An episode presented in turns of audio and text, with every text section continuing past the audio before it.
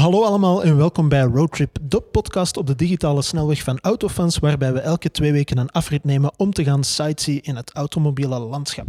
Ik ben Wim van Autofans en bij mij zit vandaag iemand die als eerste de eer heeft om een tweede keer bij ons te gast te zijn. Maar het genoegen is volledig aan onze kant, want als energie- en EV-specialist kan hij ons alles bijleren over elektrisch rijden.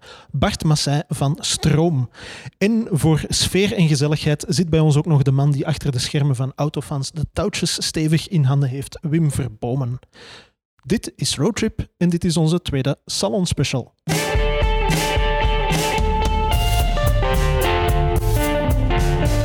Roadtrip. Bart, welkom. Goedemiddag. Wim, welkom in deze eh, MG-space in Hasselt. Dag Wim, dag Bart. Hallo. Eh, ja, we gaan het vandaag even hebben over 2020, wat eh, op voorhand groots aangekondigd is geweest als een kanteljaar op vlak van elektrisch rijden. Het is op zijn zachtst gezegd wel een bijzonder jaar geworden. Eh, op voorhand hadden we heel veel niet kunnen voorspellen, denk ik. Maar is het ook effectief een kanteljaar geworden voor de elektrische auto?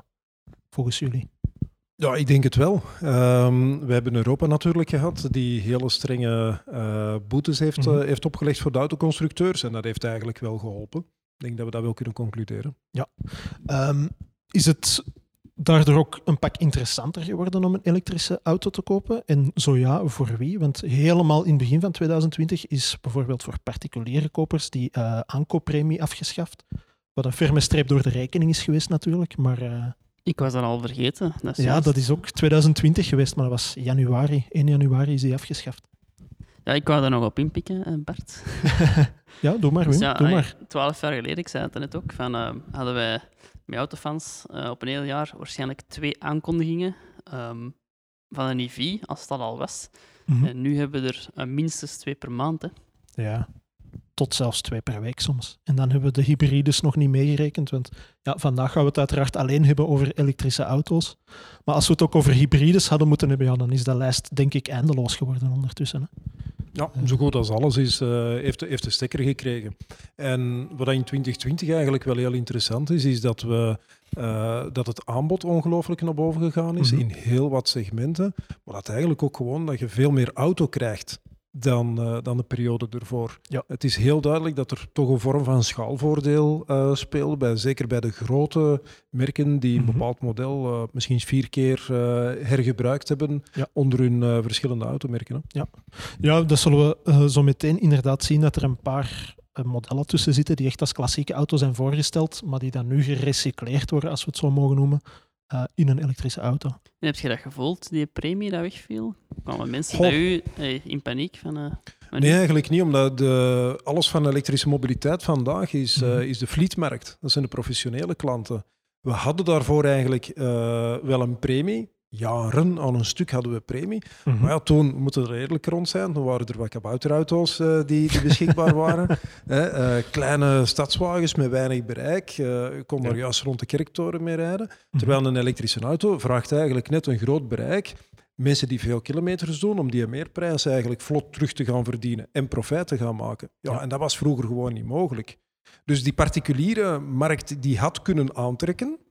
En, en, en dat momentum zijn wij kwijt. En als we Mhm. Ja. kijken naar onze buurlanden, Duitsland, Frankrijk, Nederland, daar is het vandaag ongelooflijk Ja. eh, die, die, die spurt eh, naar elektrische wagens. Ja, er is eh, één voorbeeld dat ik daar straks weer tegenkwam. Ik denk dat het ook voor particuliere kopers is, maar er was, eh, dat heeft de, de algemene kranten ook gehaald, omdat het net zo frappant was. Maar dat je in Duitsland een Renault Zoe kon leasen voor, ik denk, twee jaar en volledig gratis, dankzij alle premies. Dus dat er een aankooppremie is en dan nog een overheidspremie of zoiets. En daardoor kwam de rekening echt op nul uit. Ja, en daar gaan wij binnen dit en een, denk één à twee jaar gaan wij daar voor een stuk ook van kunnen profiteren Mhm. voor tweedehandswagens. Het wordt gewoon interessant om eh, een, een Zoe uit Frankrijk te importeren of een Volkswagen ID3 uit Duitsland Ja. met, eh, met premies tot eh 7, 8, 9.000 euro. Ja, natuurlijk. eh, die mensen moeten die, ik geloof, twee jaar minstens bijhouden. Ja, het was inderdaad een En dan- termijn van twee jaar. Dan gaat je die natuurlijk op die momenten heel interessant kunnen importeren. Hè? En hoe zit dat met die, ehm, die batterijen? En, en het het behouden van hun eh, capaciteit? Ja, daar zijn we, daar zijn we ondertussen al eh, heel wat data rond eh, kunnen verzamelen. En als we vandaag zien naar, eh, laten we zeggen, degradatie van de batterij, Mhm. Ja, dan begint dat uh, te spelen rond de 200.000 kilometer. Je moet ongeveer rekenen 1, 2 procent maximaal per jaar dat je kwijt kunt, uh, kunt spelen door hem eigenlijk frequent te gebruiken. Ja? Natuurlijk, als je een auto heel een tijd volledig met een platte batterij, net zoals met een klassieke dieselwagen uh, met loodzuurbatterij, dat is natuurlijk nooit goed. Hè? Hm. Maar 1, 2 procent maximum degradatie voor 20.000, 30.000 kilometer per jaar te rijden, is eigenlijk vandaag, ja, die wagens gaan, gaan een miljoen tot anderhalf miljoen kilometers mee. Ja. ja, ja. Dus dat is op zich wel. Dan begint het inderdaad wel interessant te worden, denk ik. Hè? en ik zie ook in Amerika en zo, um, die, die Priussen die nieuwe batterijen krijgen. Um, denk je dat dat ook gaat zijn bij ons? Dat ze zo gaan zeggen van ja, ja, maar de, hè, dat is een beetje zoals de, ja, de kilometerteller wat terugdraaien of uh, de motor reviseren van ja, maar het batterijpak is zoveel Hey, zoveel jaar oud, bijvoorbeeld? Uh, voor een stuk wel. Het enige is, een Prius heeft maar 1 kilowattuur batterij erin. Dus als er 1 kilowattuur gaat lopen, heb je niet veel Prius natuurlijk meer. Hè. Dus um, vandaag zitten we rond de 70, 80 kilowattuur. Als er daar 1, 2 kilowattuur gaat lopen, dan gaan we daar gewoon met die auto gaan we die investering niet moeten doen. Hè. Um, wat ik wel zie op een bepaald moment is dat we bijvoorbeeld naar een nieuwe batterijtechnologie gaan, dat we een upgrade gaan doen van onze auto. En die mhm. ene die 300 had, ja, als we nu die een upgrade doen van naar 600 kilometer, ja, dat is misschien wel de moeite, want dan moet je geen nieuwe auto kopen. Dan kost het misschien maar 10, eh, 10.000 euro inruilwaarde om een upgrade te doen naar een grotere batterij. En die mhm. vorige batterij die wordt toch uh, nog ergens gebruikt. Hè? En denkt er dan dat fabrikanten al op voorhand de twee versies gaan maken van, eh, van 300 naar 600 kilometer en dat je dan kunt upgraden? Of, of denk je van ja, die batterijen worden compacter? Of op termijn, uh, eigenlijk gaat, we zitten met bepaalde technologieën vandaag. Hè. We zitten met lithium-ion uh, als familie van, van batterijtechnologie. Um, we gaan in de volgende gaan we echt naar solid state. Dat is ook lithium-ion qua technologie. Alleen zitten de cellen eigenlijk kunnen veel dichter bij elkaar gecompacteerd worden. Natuurlijk, door dat te gaan maken, wordt die batterij efficiënter. En kan je oftewel een grotere batterij er gaan insteken, oftewel gewoon een kleinere batterij. En dat is geen wat we vandaag zien bij heel wat modellen. Mm dat is dat je eigenlijk, laten we zeggen, een kleine batterij, een middelgrote en een grote batterij. En, en dat is wel iets dat we gaan, uh, gaan zien. Dus in principe zou je die een auto kunnen gaan upgraden door daar gewoon het andere batterijpak in te gaan steken. En dat vind ik ook de keuze naar de toekomst. En we kijken nu heel sterk naar elektrisch. Mm Je zou ook nog naar waterstof kunnen gaan uh, gluren vandaag.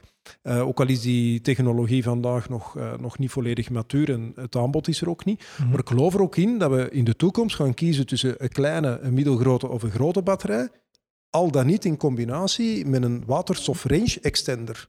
En dat we zeggen van, ik ga die kleine batterij nemen, want ik kan er heel het jaar door perfect mee rijden. Mhm. Maar voor twee, drie keer per jaar op reis te gaan, of naar de skivakantie, ja. uh, wil ik bijvoorbeeld waterstof gaan tanken, mm uh, waardoor dat die range van 300 eigenlijk groter wordt naar 600, 700. En dus ik denk dat naar, naar toekomst toe dat we nog heel wat leuke combinaties van batterijgroottes, technologie, range extenders eigenlijk kan hebben. Gelijk dat we vroeger op de BMW uh, i3 hebben gekend, hè, met verbrandingsmotor dan. Hè. Mm Ja, en je zou eigenlijk die, um, die batterijen kunnen, qua branding kunnen wegdenken van de merken. Hè. Je zou eigenlijk kunnen zeggen van ja, ik heb mijn Ford geüpgrade met een Tesla batterij of zoiets. Ik weet dat niet. Oh, je kunt... Um, ik denk ergens voor een stuk, als je um, zou kunnen evolueren naar platformen, zijn het platform uw skateboard, mm hè, uw, uw batterijpak eigenlijk met de wielen en de motoren bij. En dat je daar gewoon een carrosserie op kunt zetten. Gelijk dat er ja, 100 jaar geleden, ik weet niet of dat, hoe, hoe, ver de MG teruggaat, hè, maar zeker 1924. Mm -hmm. um, ja, toen kocht je ook gewoon eigenlijk een chassis met motor. En dan kon je een eh, chassisbouwer eigenlijk gaan doen wat je, wat je wou. Ehm, en daar geloof ik nu ook wel in, dat de mhm. mogelijkheid, maar ik denk dat de veiligheidsnormen vandaag dusdanig zijn, dat je niet meer de mogelijkheid hebt om zomaar even hè, een fantasie qua, qua carrosserie te hebben. Um, maar we zitten wel terug principieel in dat bouwmodule uh, systeem van 100 jaar geleden, waardoor mhm. dat, dat perfect mogelijk zou kunnen zijn. Ja. ja. Nu, uh, voor we aan ons uh, grote overzicht beginnen van wat er zowel aan modellen in 2020 is uitgekomen en wat er dit jaar nog allemaal zit aan te komen, uh, misschien ook nog eens even snel kijken naar de laadinfrastructuur. Zijn er daar vorig jaar grote wijzigingen gebeurd? Ik had bijvoorbeeld teruggevonden, dat is natuurlijk nog maar een aankondiging geweest, maar minister van Mobiliteit Peters had gezegd van tegen 2025 willen wij 30.000 extra laadpunten installeren in, in uh, Vlaanderen zal dat dan zijn. Um, maar merken jullie dat er al meer uh, laadmogelijkheden zijn? Ja, vooral publiek dan, maar ja, voor een groot deel ook privé, want dat is, ja, dat is jullie core business natuurlijk. Ja, ja, de, mm, wij, wij, wij, doen ook inderdaad heel wat installaties. Wij mhm. zijn uh, dit jaar meer dan verdubbeld in, uh, in omzet en plaatsen van, van laadoplossingen. Mm uh, dus ja, er is een ongelooflijke stijging daarin.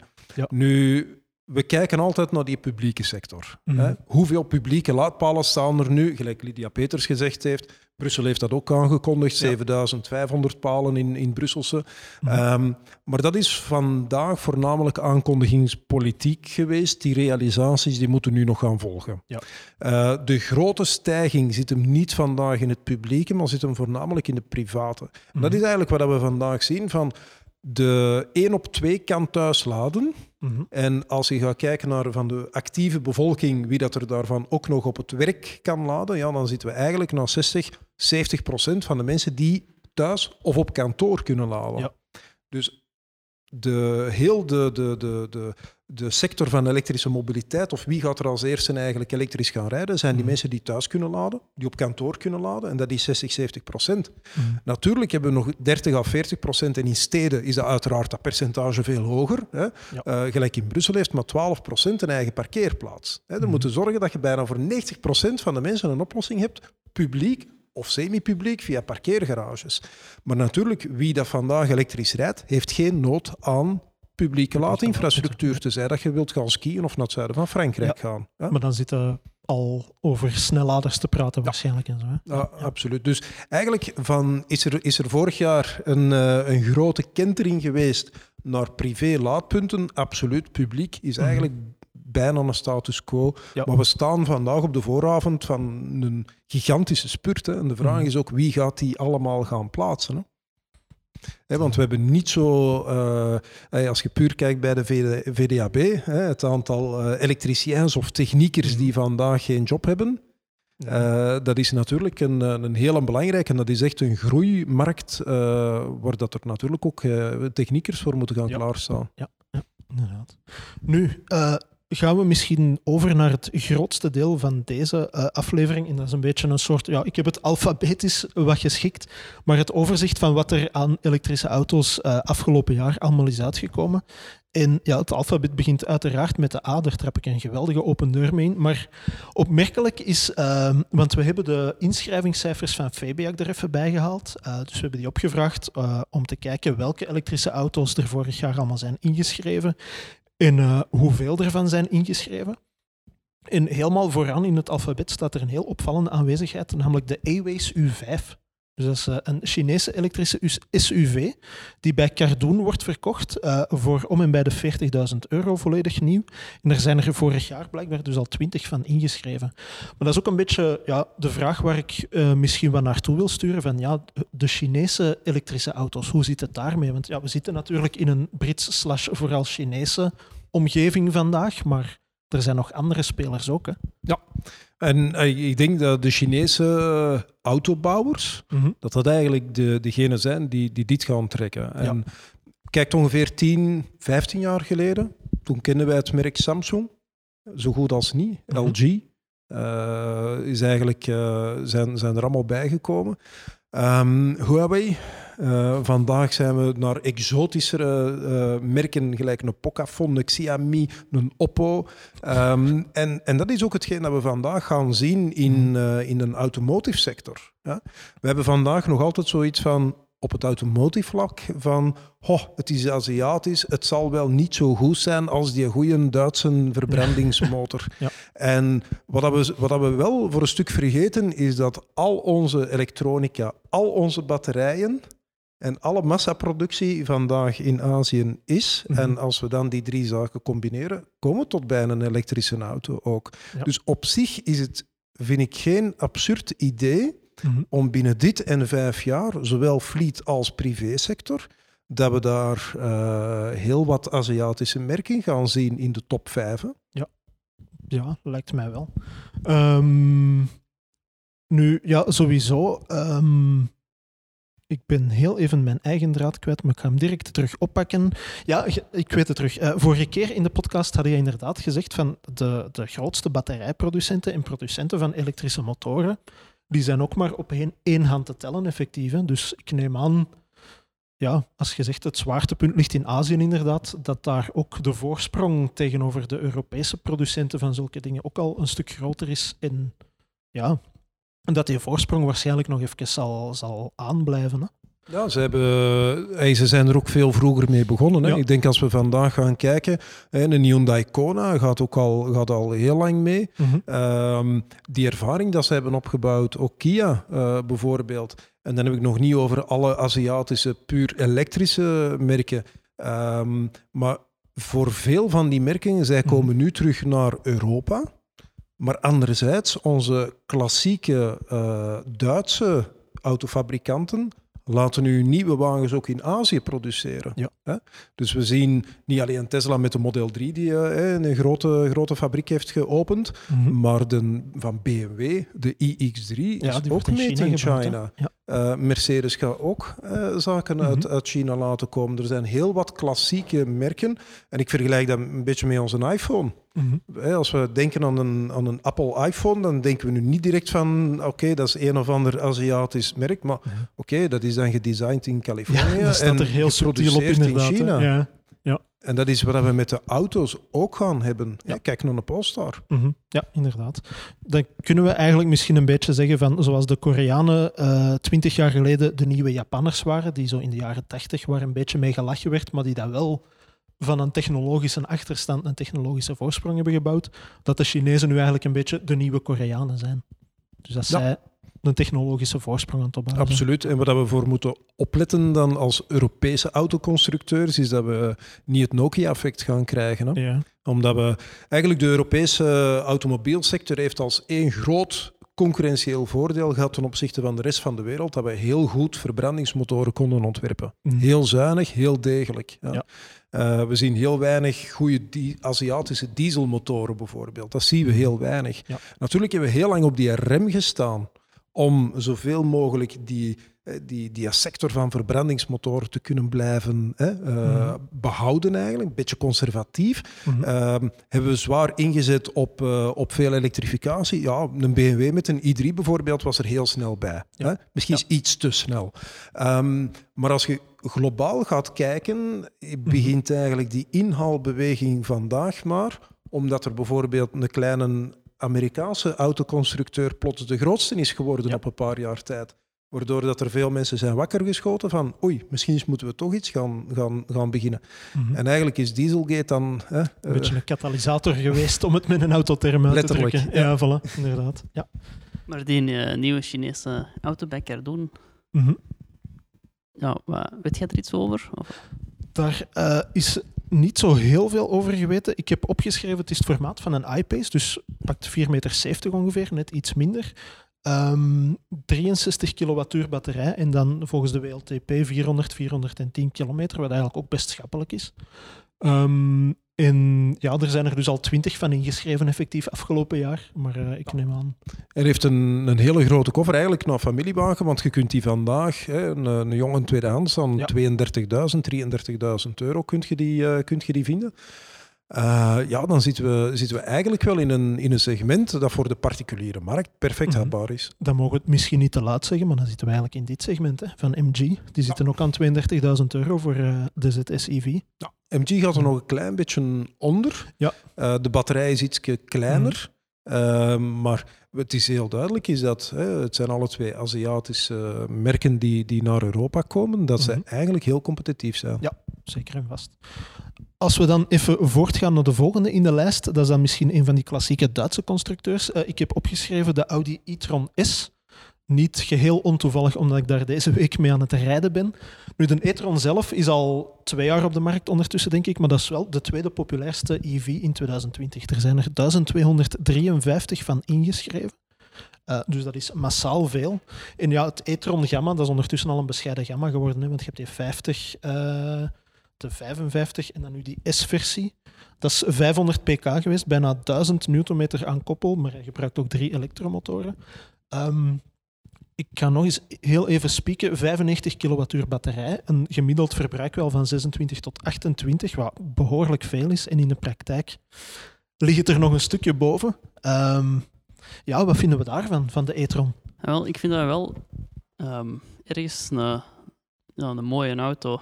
Hey, ja. Omdat dat, ja, dat is een... Uh, ja, ik denk dat dat een auto is dat veel mensen gaat aanspreken qua looks toch in ieder geval. Ja, ja. ik vind ook het, het leuke aan die auto, zeker de S, hè, mm -hmm. puur elektrisch hoeft niet ecologisch en saai te zijn. Hè? dus die tijd hè, van, van ik heb auto's vroeger, alles moest, uh, moest toen ook hyper-ecologisch zijn en saai zijn. Dat hoeft ook niet meer. En ik vind, uh, met, zeker met de S hebben we toch een bepaald fuck you gehalte. um, ik vergelijk het een beetje met de Mercedes G-klasse. Hè, een 55 AMG. Allee, mhm. en, en ik vind dat eigenlijk best wel oké dat die er ook zijn. hè. Mhm. Het, een elektrische auto mag ook stoer zijn, mag sexy zijn, mag er goed uitzien. En tegelijkertijd ecologisch. Mhm. En mensen gaan dat kopen niet puur omwille van het ecologische. Maar als ze zien van, oké, we zitten hier met 1000 newtonmeter, 500 pk. Hmm, nice. Ja, in, in de praktijk accelereert het ook naar die 1000 newtonmeter en die 500 pk. Dus het, het doet effectief ook wel wat het op papier belooft. Allee, qua prestaties dan, qua verbruik niet helemaal. Maar ja, inderdaad, ik vind het ook best, uh, wat jij inderdaad zegt, een mooie auto. Ene die wel aanspreekt, omdat dat, het is een beetje het klassieke Audi-design, maar het is ook nog, er zitten nog genoeg nieuwe elementen in.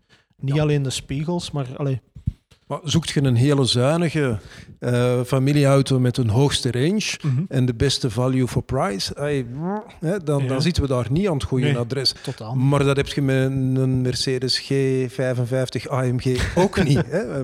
Die, is, die is goed in zijn segment. En deelt hij niets met een Taycan?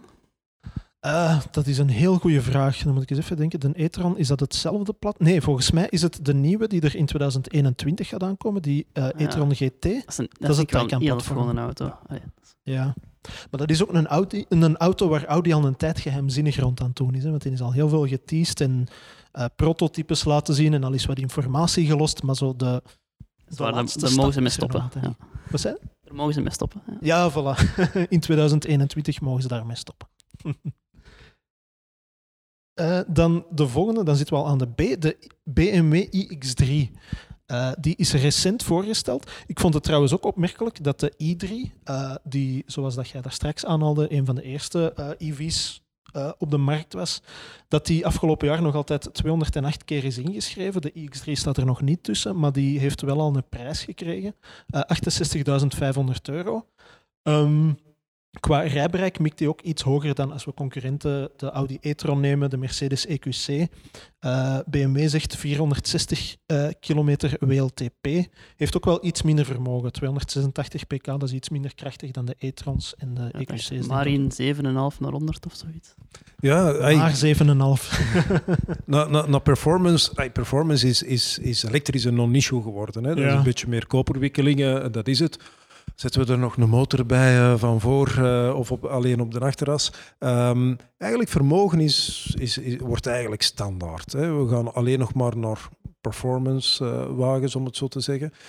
wat nu wel interessant is bij de BMW X3, mm -hmm. is een beetje van hoeveel gaat die verbruiken. Want qua ja. batterij zitten we eigenlijk niet hoger Integendeel, hè, Audi met, uh, met de e-tron zit op uh, 95 uh, mm kilowattuur.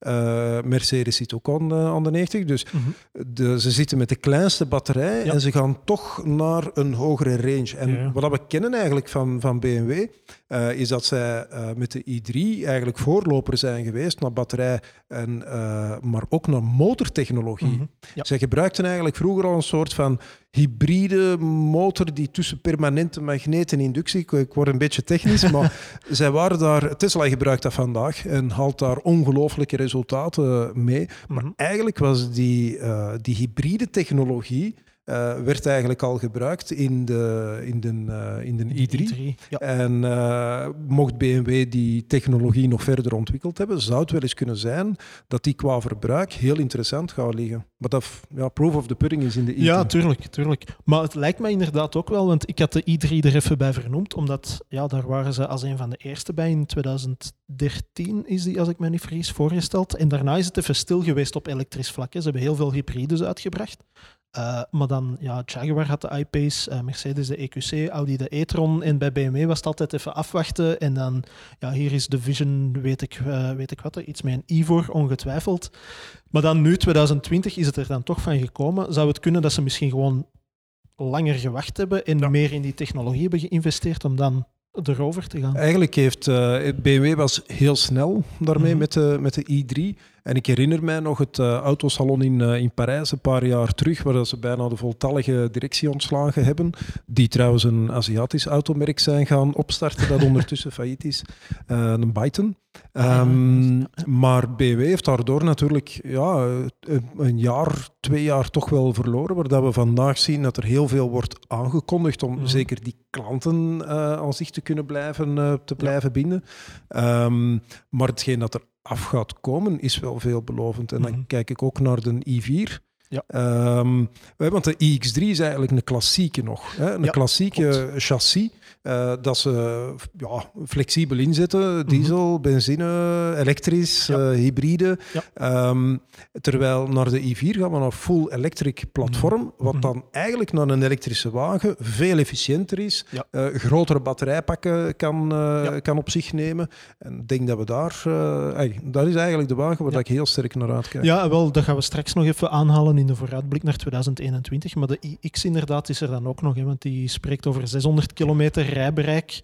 Op papier natuurlijk. Het is ook opnieuw even afwachten wat dan in de praktijk gaat zijn. Maar dat is dan ook wel weer een specifiek elektrisch platform. Dus inderdaad, de iX3 is een klassieke auto die ze verbouwd hebben tot elektrische. Ehm, maar Wat, dat, ja, wat dat ook in zijn voordeel kan spelen. Hè. Voor eh, mensen dat zo, niet een te opvallende elektrische auto willen hebben. Ja, het, het, het is, het, ik bekijk dat voornamelijk vanuit dat technische aspect. Ehm, pak nu dat je een klassieke diesel X3 neemt Mhm. en we zeggen van oké, goed, we gaan die even ombouwen hier achter ons, we gaan er een elektrische van maken. Ja, wat halen we eruit? Dat is eigenlijk de brandstoftank. Mhm. hè? Eh, die kunnen we volstouwen met batterijen. We kunnen de middentunnel, want we hebben die aandrijving niet nodig, want Ja. we kunnen een klein elektrisch motorje van achter steken. En heel die middentunnel kun je ook, en dan nog wat onder de voorstoelen. Hè? En, ehm, dat is eigenlijk wel heel beperkt qua, qua ruimte. Hè.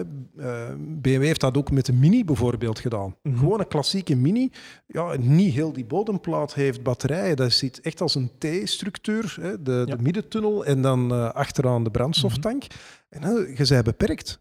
Je bent beperkt qua, eh, qua, qua, qua batterijgrootte. Dat je, je moet al de allerbeste batterijen gaan aankopen om die erin te steken, die het kleinste zijn. Maar dan nog, Ja. je, gaat, je gaat morgen geen 100 of 120 kilowattuur in de iX3 vandaag kunnen gaan, eh, gaan steken daardoor. Nee, Dat is dan wel met een dedicated platform. Ja. Heb je veel meer opties. Hè? Ja, dat zullen we inderdaad straks ook nog zien, want er zijn bijvoorbeeld de Seat Electric gaat ook nog ter sprake komen. En daar herinner, daar herinner ik mij ook van dat ze daar de batterij ook een beetje hebben geprobeerd te verdelen. Ik denk dat de Corsa E dat ook doet. Dus omdat ze inderdaad ja, één gemeenschappelijk platform, zowel voor verbranding als voor elektrisch moeten gebruiken. Hè. Nu, voor, eh, voor mensen gaan denken dat we alleen over dure EV's gaan praten, is er een flinke brok PSA. Eh, we beginnen bij Citroën, want die hebben eigenlijk... Ik heb drie verschillende elektrische modellen voor Citroën genoteerd. Te beginnen bij de EC4. Ehm, daar zijn er bizar genoeg vorig jaar al 34 van ingeschreven. Ehm, ik ga even kijken naar de specs. Eh, 136 pk elektromotor, 50 kWh batterij, 350 km WLTP. Eh, een prijs van 35.600 euro. Ehm, ik ga er ineens even de E-Space Tour erbij vernoemen, eh, omdat die dezelfde aandrijflijn gebruikt. En straks ja, zal die nog eens terugkomen, die bestelwagen, in, bij Opel en bij de Peugeot. Maar dan kunnen we dat misschien gewoon even in één keer bekijken. Maar het viel mij vooral op bij Citroën en eh, bij PSA in het algemeen. Zij gebruiken echt één aandrijflijn, dus één elektromotor en twee batterijgroottes en that's it. voor al hun verschillende modellen. Dus, eh, Ja, daardoor zitten die modellen ook ongelooflijk dicht bij elkaar. Hè. Mhm. Ehm, en op zich eh, heb, je, heb je daar wel een paar heel interessante modellen tussen zitten. Ja. Eh, ik begin nu bij de C, bij, bij, bij Citroën. mhm. Ehm, eigenlijk is dat een hele ruime auto. Ja. Ehm, als je dan ziet, ook voor de prijs eh, dat je die kunt, eh, kunt aanschaffen, Mhm. eh, denk ik wel dat Citroën enerzijds zijn comfort nog kan, kan verhogen hè, door Mhm. die elektrische aandrijflijn. Gaat je eigenlijk een hele mature auto hebben Mhm. daarin. Ja. En ay, we hebben, ik kom er straks nog eens terug, we hebben eigenlijk als stroom ook een keer al die elektrische modellen die we vandaag hebben, een keer op een grafiek ook gezet van wat kost of wat krijg je nu eigenlijk, hè, of wat betaal je per auto eh, in, in, eh, oh, in euro's per kilometer range dat ze kunnen. Ja. En als je dan gaat kijken, zeker in de, in de 50 kilowattuur eh, batterij dat PSA Mhm. heel veel gebruikt, of voornamelijk gebruikt, hè, dan zitten daar toch wel heel wat modellen die heel scherp geprijsd zitten. Ja. Dat is zo. Ja, dat klopt. Want ik zie het inderdaad op de grafiek. De EC4 scoort daar inderdaad heel goed. Hè? Ja. Het is, om eerlijk te zijn, ook wel niet echt de mooiste auto. Moet, allee, dat is een persoonlijke mening, maar ik vind zo'n beetje wat Citroën de afgelopen jaren heeft uitgebracht. Zodat, ik noem dat altijd een beetje het knuffelautogehalte met die, met die eh, airbumps en zo. En wat ze nu van die C4 gemaakt hebben, ik voel het niet helemaal, maar dat is uiteindelijk een beetje ja, persoonlijke smaak. Hè? Het gevoel dat ik met Citroën altijd heb, ik heb ook Mhm. eh, heel lang in, eh, in Parijs gewerkt. Mhm. Eh, als je een auto in Parijs parkeert, Dan heb je airbumps nodig. dan heb je dat gewoon nodig. En dan zijn de eigenlijk ook blij dat dat er allemaal op zit. Ja. Dus. De, dat is heel functioneel. Hè? Ja, tuurlijk. Maar is dat mooi? Dat is natuurlijk een, eh, een ander paar, eh, paar mouwen. Ja. Maar hij is natuurlijk ja, ook eh, de, de C4 is een hele neutrale auto. Mhm. Hè? Dat kan positief of negatief eh uitdraaien. Hè? Maar die, ehm, die Citroën C4, eh, Mhm. die, is, eh, die heeft exact hetzelfde uiterlijk als een, een normale, zou ik maar zeggen. Ja, je hebt inderdaad de C4 en de EC4. Ja, En, bij een fysiek- 208 Peugeot is dat hetzelfde. En bij een Opel Corsa ook hetzelfde. Ja, hè, want ja, je ziet dat niet. Hè. Je ziet, Nee. allee, er is een klein eh, logo van uh, stickertje, denk ik, bij de Corsa. En dat that's Ja. it. Bij Peugeot blinkt de leeuw. Dan is, eh, dan is Ah, dat een elektrische. Maar dat zijn die hybride chassis. En mogelijkheden beperkt, maar super flexibel. Hè? Zeker voor autoconstructeurs die vandaag nog zoiets hebben van... Hè, gaat het naar waterstof? Is het elektrisch? Eh, gaan we toch nog eh, een groot aandeel, aan- aandeel diesel kunnen Mhm. blijven slijten of benzine? Ja, je kunt het ook produceren op dezelfde productielijnen. En dat is natuurlijk een, eh, een heel sterk voordeel voor hen. Hè? Mhm, sowieso. Eén die ik niet heb vernoemd, maar ik ga hem gewoon voor de gezelligheid toch nog even ter sprake brengen, is de Citroën Ami. Bart, voor u was hem een beetje nieuw. Ehm, heel wat andere specs. Eh, 8 pk, 5,5 kilowattuur batterij, eh, een rijbereik van 70 kilometer, maar wel een prijs van 6.000 Dat is dat autootje dat eigenlijk... Ja, hoe zeg je dat? Een kabouterauto. Heb is- ja. het eruit, ja. Ja. zo. Het heeft ook een topsnelheid van 45 km per uur. Het is een beetje de Renault Twizy van Citroën. Maar dan wel een Twizy helemaal dicht, hè? Ja, ja, het is Ja. volledig En de gesloten. voor- en de achterkant identiek. En je zit Nee. naast Ja. elkaar in plaats van achter elkaar. Die Twizy, dat was echt geweldig, totdat je ermee moest rijden in Mortsel, dat weet ik nog. want ja, je kunt nergens door, want het is, het is veel te breed, het is, het is Ja. geen motto. Maar je hebt wel alle uitlaatgassen in je gezicht. Ja. we gaan er eh, heel even over afwijken inderdaad. Maar ik herinner mij ook nog de Renault Twizy, want die mocht ingeschreven worden op een motornummerplaat. hè. Allee, je had daar Je twee... had daar twee versies in. ja, voilà, inderdaad. 40 en 80 Ja, eh, en kilometer die, die per van uur of zo. 80 mocht op een motornummerplaat, wat dat betekende dat je er officieel ook mee op de snelweg mocht. Maar dat leek me echt gewoon zelfmoord als je zoiets zou doen. Dus, eh, maar ik, vond dat, ik weet eigenlijk niet of dat die nog eh, verkocht worden, de Twizy's. Goh, geen idee, maar er komt eigenlijk een nieuwe trend op ons af. Ja. En dat is die, je moet je inbeelden dat je een Twizy hebt, Mhm. eh gekruist met een fiets, met een lichtfiets. En waar we eigenlijk nu naartoe gaan, is een soort van lichtfiets met elektrische batterijen die tot 200 km per uur kunnen rijden. Mhm. Maar waar je eigenlijk de, de batterij gaat opladen door, door zelf te trappen. Dus faillissement waarschijnlijk van alle fitnesscentra. Ehm, maar dat is wel een trend die, die vandaag zijn die wagens nog vrij duur. Hè? Dat is 35, 40.000 euro Mhm. voor een fietskruising met een motto, wel gesloten. Ehm, maar daar verwacht ik op termijn wel heel wat van. Ja. Ehm, En dat is toch, allee, dan gaat je daar toch wel gaan pendelen mee naar Brussel, denk ik. Ja. ja, het is inderdaad een beetje zo momenteel nog een, een soort aparte tak binnen de automerken. Hè. Dat is wat meer ja, persoonlijke mobiliteit, moeten we dat dan misschien maar noemen. Maar daar zijn inderdaad nog meer, mensen dan, eh, meer merken dan alleen Citroën en, en, en Renault mee bezig. Hè.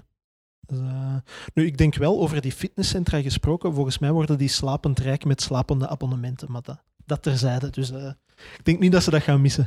Uh, dan nog bij de, bij de F zijn we ondertussen, de Fiat 500e. Dat is een auto waar ik persoonlijk eigenlijk wel naar uitkijk. Vooral omdat er eindelijk eens een nieuw ontwerp is en een nieuw platform voor een auto die eigenlijk al 13, 14 jaar meegaat. En ook een PSA-auto nu. Hè? Ondertussen inderdaad een Stellantis-auto. um, in... een, eigenlijk een hele leuke tweede auto. Mm -hmm. Ik heb het zelfs dan ook een beetje met de Mini. Ja. Mini Electric, en er zijn er nog een paar zo. Ja. Eigenlijk heel interessante auto's om te hebben als tweede auto in het gezin. Heel mooie auto's ook, en nog altijd. Hè. Dat retro design, allee, dat, is, ja. dat is top. Hè. Ja, ik vind het vooral uh, bij de klassieke Fiat dan, allee, als we dat de klassieke ondertussen mogen noemen, degene die al meer dan tien jaar op de markt is, daar begint het nu wel wat te zien van...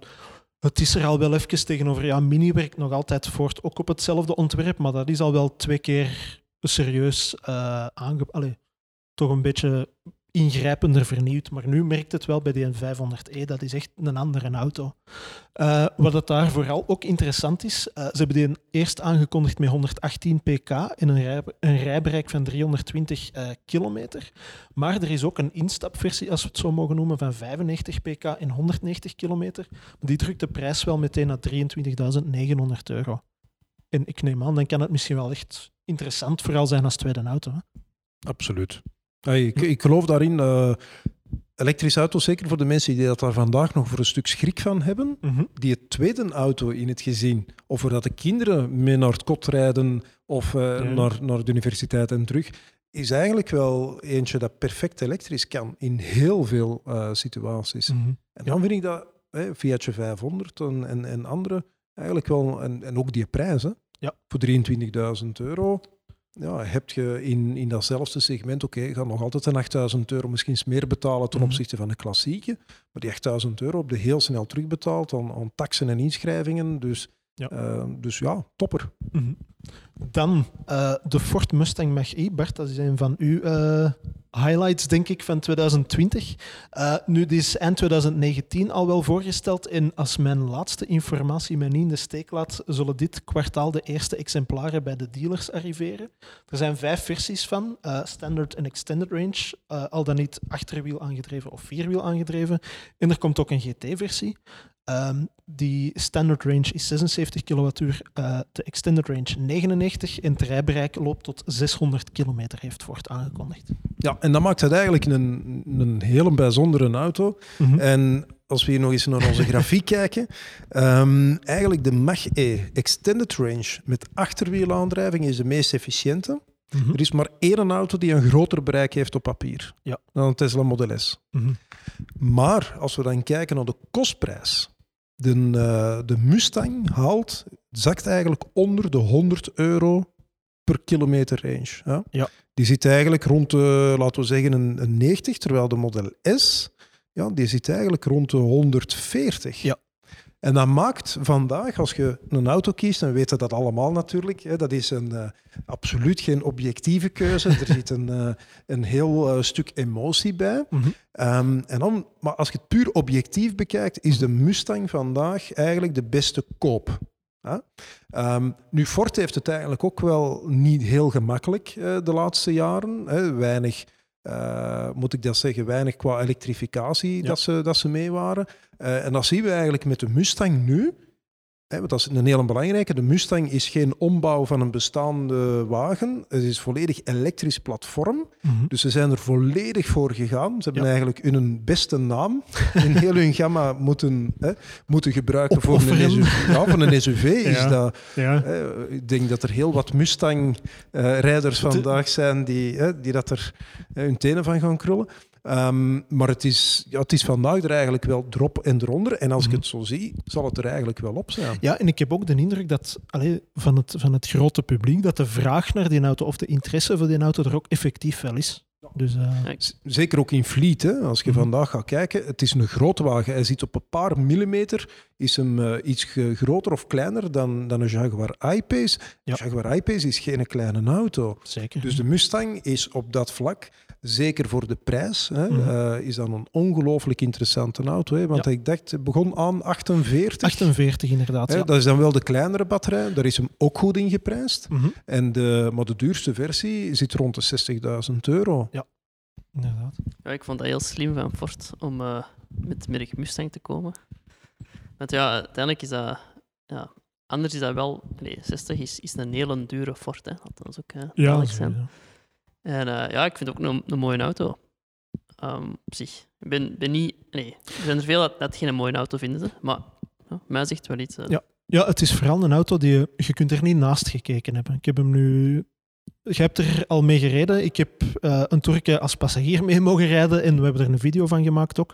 Uh, maar je merkt het wel als er een voorbij rijdt. Je, je, gaat het sowieso gezien hebben. En of dat er nu een Mustang-logo op plakt of niet, het is wel een auto die in het oog springt. Hè? Die lichten zijn ongelooflijk knap. Ja. Uh, interieur is eigenlijk ook heel leuk. En, voor, voor hetgeen als ik dat vergelijk met een klassieke Ford, is dat een heel ander interieur. Dat is een revolutie. Heel andere ja. lijn.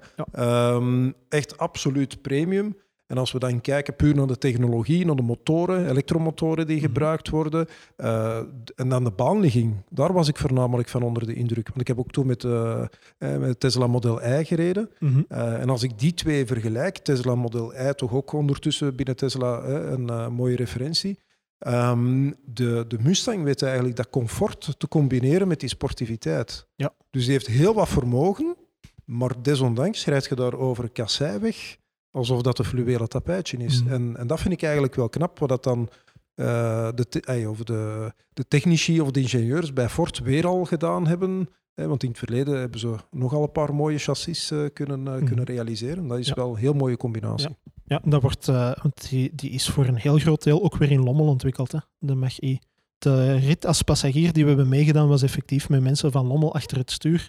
En die konden het daar, uh, ik weet niet of ik het luidop van Ford mag zeggen, maar die konden het daar ook niet nalaten om te laten zien dat er ook een beetje sportiviteit in een auto zit. Dus die rear-wheel drive, drive versies die zijn effectief wel achterwiel aangedreven. Dus ik denk op dat vlak, qua sportiviteit, zal dat ook wel snor zitten, denk ik. Maar wij gaan het over twee weken aan de lijve ondervinden. En dat is eigenlijk het leuke met zo'n type auto's, Mhm. dat die ook in de fleetmarkt, waar dat eigenlijk toch vandaag hè, 80, 90 procent van de verkopen zijn, uh, dat die grote leasingmaatschappijen toch ook wel inzien dat dit wel uh, wagens zijn die ook qua restwaarde aanzienlijk beter gaan scoren dan zelf diesel- of benzinevarianten. Ja. En, en dat maakt dat zo'n zo'n wagens, ondanks 60.000 euro voor een Ford, hè, um, dat we daar eigenlijk in, uh, in de leasing dat effect eigenlijk niet hebben van die, uh, van die prijs. Omdat die eigenlijk ja, gewoon door een hoge restwaarde, dat eigenlijk hun maandelijks afbetalingsbedrag best acceptabel is. Hè? Ja. Alright, dan komen we bij mijn persoonlijke favoriet. En ik ga nog maar eens beginnen over de Honda E. Dus wie mij al beu gehoord is daarover, ja, die gaan maar heel even moeten wegsappen. Maar ja, die is eind 2019 voorgesteld. Uh, maar 2020 hebben we daar uitvoerig mee kunnen rijden. Uh, relatief kleine batterij, 35,5 kilowattuur, uh, 136 pk en in de advanced versie iets meer. Het rijbereik was ook niet waanzinnig veel. Uh, 222 volgens de WLTP. In de praktijk kom je niet aan 200 hebben wij gemerkt. En relatief duur, 34.500 euro. Maar wat een toffe auto, zeg. Wat een toffe auto, ik blijf het zeggen. Ja, weer al supergoeie retro design, hè? En dan van, Ja. van Honda. Ja. Nu, ik denk wel, want dat wou ik er eigenlijk ook nog aan toevoegen. Ehm, in 2020 zijn er maar 125 exemplaren ingeschreven. Ik weet niet of ik de conclusie, de conclusie nu te snel trek, maar zou de prijs en het rijbereik zou dat geen factoren zijn? Want allee, over het design is iedereen het eens. En er zijn heel veel reacties die ook zeggen van stek daar een verbrandingsmotor in en hier is mijn check en geen probleem. Maar zou het toch niet kunnen dat het design alleen lang niet voldoende is? Het is een duurste, kleinste stadswagen. Mhm. Hè? Uh, maar je krijgt er ook ongelooflijk veel gadgets voor. Ja. Hè? Dus uh, hij bulkt van de ene naar de andere gadget. Mhm. En wie, denk ik, vandaag de gadgets weet te appreciëren, Mhm. uh, gaat misschien iets ouder zijn en misschien een iets grotere gezinswagen nodig hebben. Ja. Um, de ouderen onder ons die zeggen van wij zoeken toch nog een klein autootje. Ja, die gaan niet meer een PlayStation uh, inkoppelen via de HDMI-poort of uh, de 100, uh, 1500 watt power outlet 230 volt gaan gebruiken om in het bos hun, hun DJ-set te gaan, te gaan gebruiken. Een lockdown feestje. Dus voor wie is het eigenlijk de ideale auto? Ja, voor hipsters gelijk wij. Hè? Ja. Ja, maar dan, dan komt er de aankoopprijs. En aangezien dat ik maar een simpele loontrekkende ben, uh, zit dat er helaas voor mij niet in. Maar het viel mij inderdaad op, want ja, de reacties zijn echt heel positief. Allee, dus vooral op het design dan. Maar ja, als we, want we hebben een, de top 40 van de inschrijvingen gemaakt. Hij staat op plaats 28.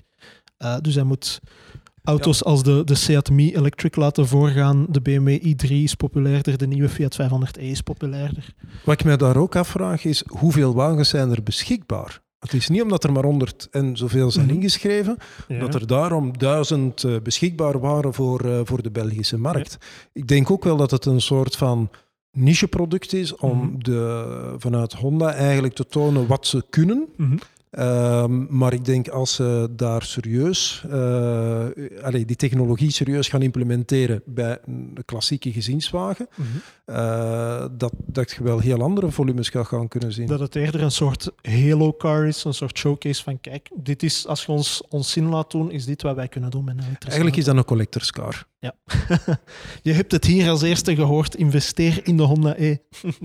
um, ik heb heel even, want we hebben hem helemaal in het begin even vernoemd, um, heel even snel langs de Kona Electric, want dat is voor de volledigheid, want die heeft afgelopen jaar alleen maar een facelift gehad. Maar het is wel de vierde populairste, of, enfin, de vierde meest ingeschreven auto in 2020 geweest, met net iets meer dan duizend inschrijvingen.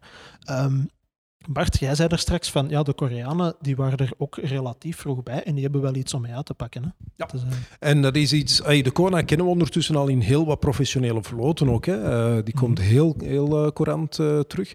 Um, en het grote voordeel is dat dat een van de zuinigste wagens is ja. die, dat, die dat we kennen. Hè. Mm. Um, een vriend van mij is er mee gaan, gaan skiën voor corona, vorig jaar. Hè.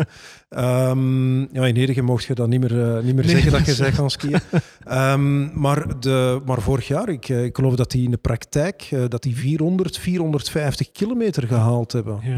En dat is iets waanzinnig qua, qua resultaat voor toch een, een SUV die, die wat hoger op zijn wielen staat. Een ja. SUV ook uiteindelijk. Was dat achter een camion? Of was dat nee, uh, trouwens een klant van ons, een, een, een groot IT-bedrijf, ook in Kontig. Um, en zij zijn met drie, vier verschillende auto's eigenlijk uh, toen uh, twee jaar terug uh, vertrokken. We hebben er ook een hele blog over geschreven. En ze kwamen elkaar wel dikwijls tegen. Er waren ook Tesla's bij. Um, maar het is wel, de Kona is, is een wagen, je zou dat niet verwachten omwille van de 64 kilowattuur batterij, ja. maar die eigenlijk meerijdt in het segment van de 80, ja. 90 kilowattuur batterij. Hè? Ja, en het is ook technologie die um, ja, Hyundai gebruikt ze zelf ook nog in de Ioniq, denk ik. Maar Kia gebruikt ze ook. Hè. In de e-Soul en de e-Niro, die gebruiken dezelfde batterij. Want ik heb met de Kona uh, Electric zelf nog niet gereden, maar met de e-Soul wel uh, op een presentatie. En dat was ook inderdaad een van de eerste elektrische auto's. Dat is ondertussen ook al twee jaar geleden. Maar van een compact formaat, waar op het display effectief van rijbereik wel al een 4 vooraan stond. Hè. En ja. dat is... Allee, en dezelfde wagens met uh, zetelventilatie, stuurverwarming, ja. de meest waanzinnige ja. opties zitten daarop. Hè? Ja, take note, Audi e-tron. um, dan bij de J, de Jaguar I-Pace, natuurlijk ook geen nieuwe auto, maar afgelopen jaar is er wel een EV320-versie van aangekondigd. Nog altijd 90 kWh batterij, 470 km WLTP en hij kan eindelijk driefasig laden. Dat was ook de grote nieuwigheid uh, van die auto. Um, iets minder populair. Nu ja, iets minder is ook relatief, maar op plaats 15. Vorig jaar zijn er 367 van ingeschreven. Nu, het voordeel van die EV320 is wel dat hij de catalogusprijs ook een beetje naar beneden haalt. Hè. Ja. Het is nu 65.000 euro. Ja, en eigenlijk is het enkel die catalogusprijs. Mm -hmm. uh, want voor de rest moeten we eigenlijk spreken over een identieke wagen met uh, 80 pk minder, maar 320 of 400. Ja. Hè, blijft, uh, blijft eigenlijk comfortabel. En dat maakt eigenlijk de, de, de, de iPace wel een, een leuke auto. Ook naar design toe is het nog altijd wel iets opvallend, opvallend zeker, mits de grotere velg hè, dat je erop zet. Um, maar is het eigenlijk ook wel een hele leuke auto om mee te rijden. Uh, mm. Maar het is inderdaad, ze hebben een, een een beetje moeilijk om, om die wagen ook te gaan positioneren. En dan is de vraag van, zit dat voornamelijk... Is, is dat gelegen aan het product? Mhm. Is dat gelegen bijvoorbeeld aan de verkopers die... Ja, Jaguar is een, heeft een bepaald doelpubliek. Mhm. Je moet het verkopen, maar het doelpubliek moet dat ook aanvaarden. Ja. En het is niet de grote doorbraak in, in de fleet. We zitten Mhm. eigenlijk op een te hoog niveau qua eh, directie. Dus eh, de, de wagen zit eigenlijk ja, niet in het volumesegment. Mhm. Ehm, maar ze worstelen daar wel wat om die, om die wagen eigenlijk eh, in, in grotere getalen te kunnen, eh, te kunnen slijten. Hè. Ja. Absoluut. Ik vind het ook een hele moeilijke auto om, om nu te, te zeggen, wat, wat is het eigenlijk? Allee, het is zo... Hij, hij is mooier in het echt, zal ik zeggen. Ja, je moet hem, zo- je moet hem zeker in SUV? gezien hebben. Oh, nee, het is sowieso een crossover, maar Mhm. Wat is het eigenlijk? Ja, ze noemen het zelf denk ik inderdaad een SUV, maar als je ernaast staat, is het, ja, het is redelijk klassiek dan van, van rijhoogten en zo. Ja, en de achterklep is ook heel schuin. Ja, Waardoor dat die kofferruimte, hè, als je zegt van we zoeken eigenlijk een SUV met, Mhm. met een grote koffer, Mhm. ja, dan zit je daar natuurlijk wel. Hè, maar ze waren er ook weer heel ze waren er snel bij. Ja, sowieso. Ehm, en eigenlijk wel ja, interessant, maar het is niet de goedkoopste natuurlijk. Hè. Als we Nee. gaan vergelijken met andere wagens, eh, dan zit een iPace zeker de 400. eh zat nu niet met de beste, in de beste positie. En ik denk naar de CO2-uitstootnormen, eh, die voor Jaguar Land Rover hè, moeilijk eh, waren, eh, zeker naar eind eh, 2020, Ja. dat ze eigenlijk creatief zijn moeten gaan kijken van hoe kunnen we hier met de iPace toch wel een effort doen om die beter in de markt te gaan, te gaan plaatsen. En als we dan zien, is eigenlijk de iPace 320, komt prijs kwalitatief in euro's per kilometer zeer dicht bij, bij een Polestar bijvoorbeeld, of scoort beter dan een iX3. Dus eigenlijk vandaag is dat wel een interessante wagen. Mhm. Alright, en dan komen we bij de M aan en daar zitten een paar heel interessante bij, waar zeker wat over te vertellen valt. De Mazda MX-30 om te beginnen. Ook weer een relatief kleine batterij, 35,5 kilowattuur, eh 200 kilometer WLTP. Ook niet de meest krachtige auto qua vermogen, 145 pk, maar wel opnieuw een heel opvallend design. Ja, Ja. ja de, zeker de deuren. Ja, de voilà. deuren. Ik, heb, ik heb vroeger ook met een, eh, met een i3 een, eh, een jaar gereden. En met kleine kinderen is dat geen cadeau. Hè. Ah. Zeker als je met een Maxi-Cosi en er staat een wagen links en rechts geparkeerd, is dat, is dat geen evidentie. Mhm. Maar het design is, is, vind ik eigenlijk wel leuk. Ja. hè. Het mag wel eens iets anders zijn. Mhm. Wat mij heel hard opviel met de, met de Mazda, is dat als ik nu niet geweten had dat dat een elektrische wagen was, dan had ik daar ingestapt, mee gereden, motorgeluid gehoord de hele tijd, Ja. uitgestapt en niet het gevoel gehad dat het eigenlijk een elektrische wagen heel lineair optrekken, gelijk een, een klassieke. Ah, wel, dan is, dat vind ik een beetje de, het, het vreemde ook aan de MX-30. Ja, ik heb die eh, getest in, in pre-productie, toen we nog naar het buitenland mochten. En ehm, ze hebben inderdaad eh, de frequentie nagebootst van een benzinemotor. Dus het lijkt alsof dat je met een, ja, het lijkt alsof dat je met een dikke diesel rijdt qua Mhm. vermogen. Hè, en je hoort dan En zo... qua respons ook, denk ik. Hè. Dat Ja, je hoort dan zo precies zo wat ergens in je hoofd een benzinemotor. Hè? Dus Mhm. dat is, ja, je hebt totaal niet door dat je met een i4 rijdt. Maar dan, ja, je hebt dan... Persoonlijk vind ik het designteam van Mazda een van de beste designteams in de wereld. Ehm, en dan heb je een, een prachtige CX-30. En ja, dat, dit is zo eh, voor mij een CX-30 waar dat zo heb ik gedacht van, het moet een beetje opvallen. Hè? Dat dat toch een beetje een EV is. Mhm. Terwijl hij rijdt gewoon als, als, niet als Ja. een EV. Het is ook Mhm. niet echt een hele snelle auto. Hij heeft niet dat, dat, dat vinnige, wat ook niet nodig is, vind ik, in een EV. Nee, en dan vraag ik me eigenlijk af van als doelpubliek, als je Mhm. zegt van ons doelpubliek eh, wilt of staat eigenlijk niet te springen voor 300, 400 pk en wilt eigenlijk een gewone auto met normaal vermogen en we willen eigenlijk niet dat dat allemaal te veel opvalt, Mhm. ja, kan dat eigenlijk ook wel een strategie zijn om net op die manier te gaan insteken. Ja. Ehm, ja, persoonlijk heb ik al graag eens wat meer vermogen of een eh, origineler design. Dat, allee, eigenlijk design is, is, is het probleem niet bij, bij Mazda. Maar dat het eruit springt dat het elektrisch is. Hè? En niemand die vandaag, of als hier nu een Mazda zou passeren, een MX-30, dan gaat het niet hebben van, oh kijk, een elektrische. Hè? En dat is iets wat, eh, misschien is het bewust gedaan, hè, maar Mhm. ik vind ergens ook wel een, een beetje een gemiste kans om, eh, om een keer eens iets eh, extremers te doen. Nu, aan de andere kant, ik vind hem mooi langs buiten, maar ik vind hem nog mooier langs binnen. Want wat ze met dat interieur hebben gedaan, dat is wel...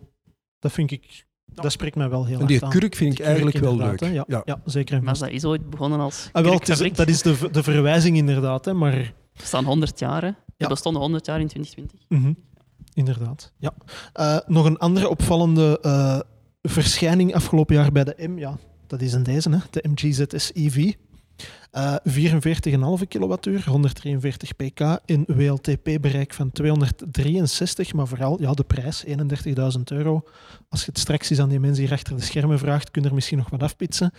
Maar ja, het is wel een, een, een debuut of een rentree, als we het dan zo mogen noemen, om... Allee, naar eigen zeggen vond MG het bescheiden. De Bart Hendricks heeft het eergisteren gezegd, maar ik denk niet dat we, er, allee, dat we ze kunnen negeren. Hè.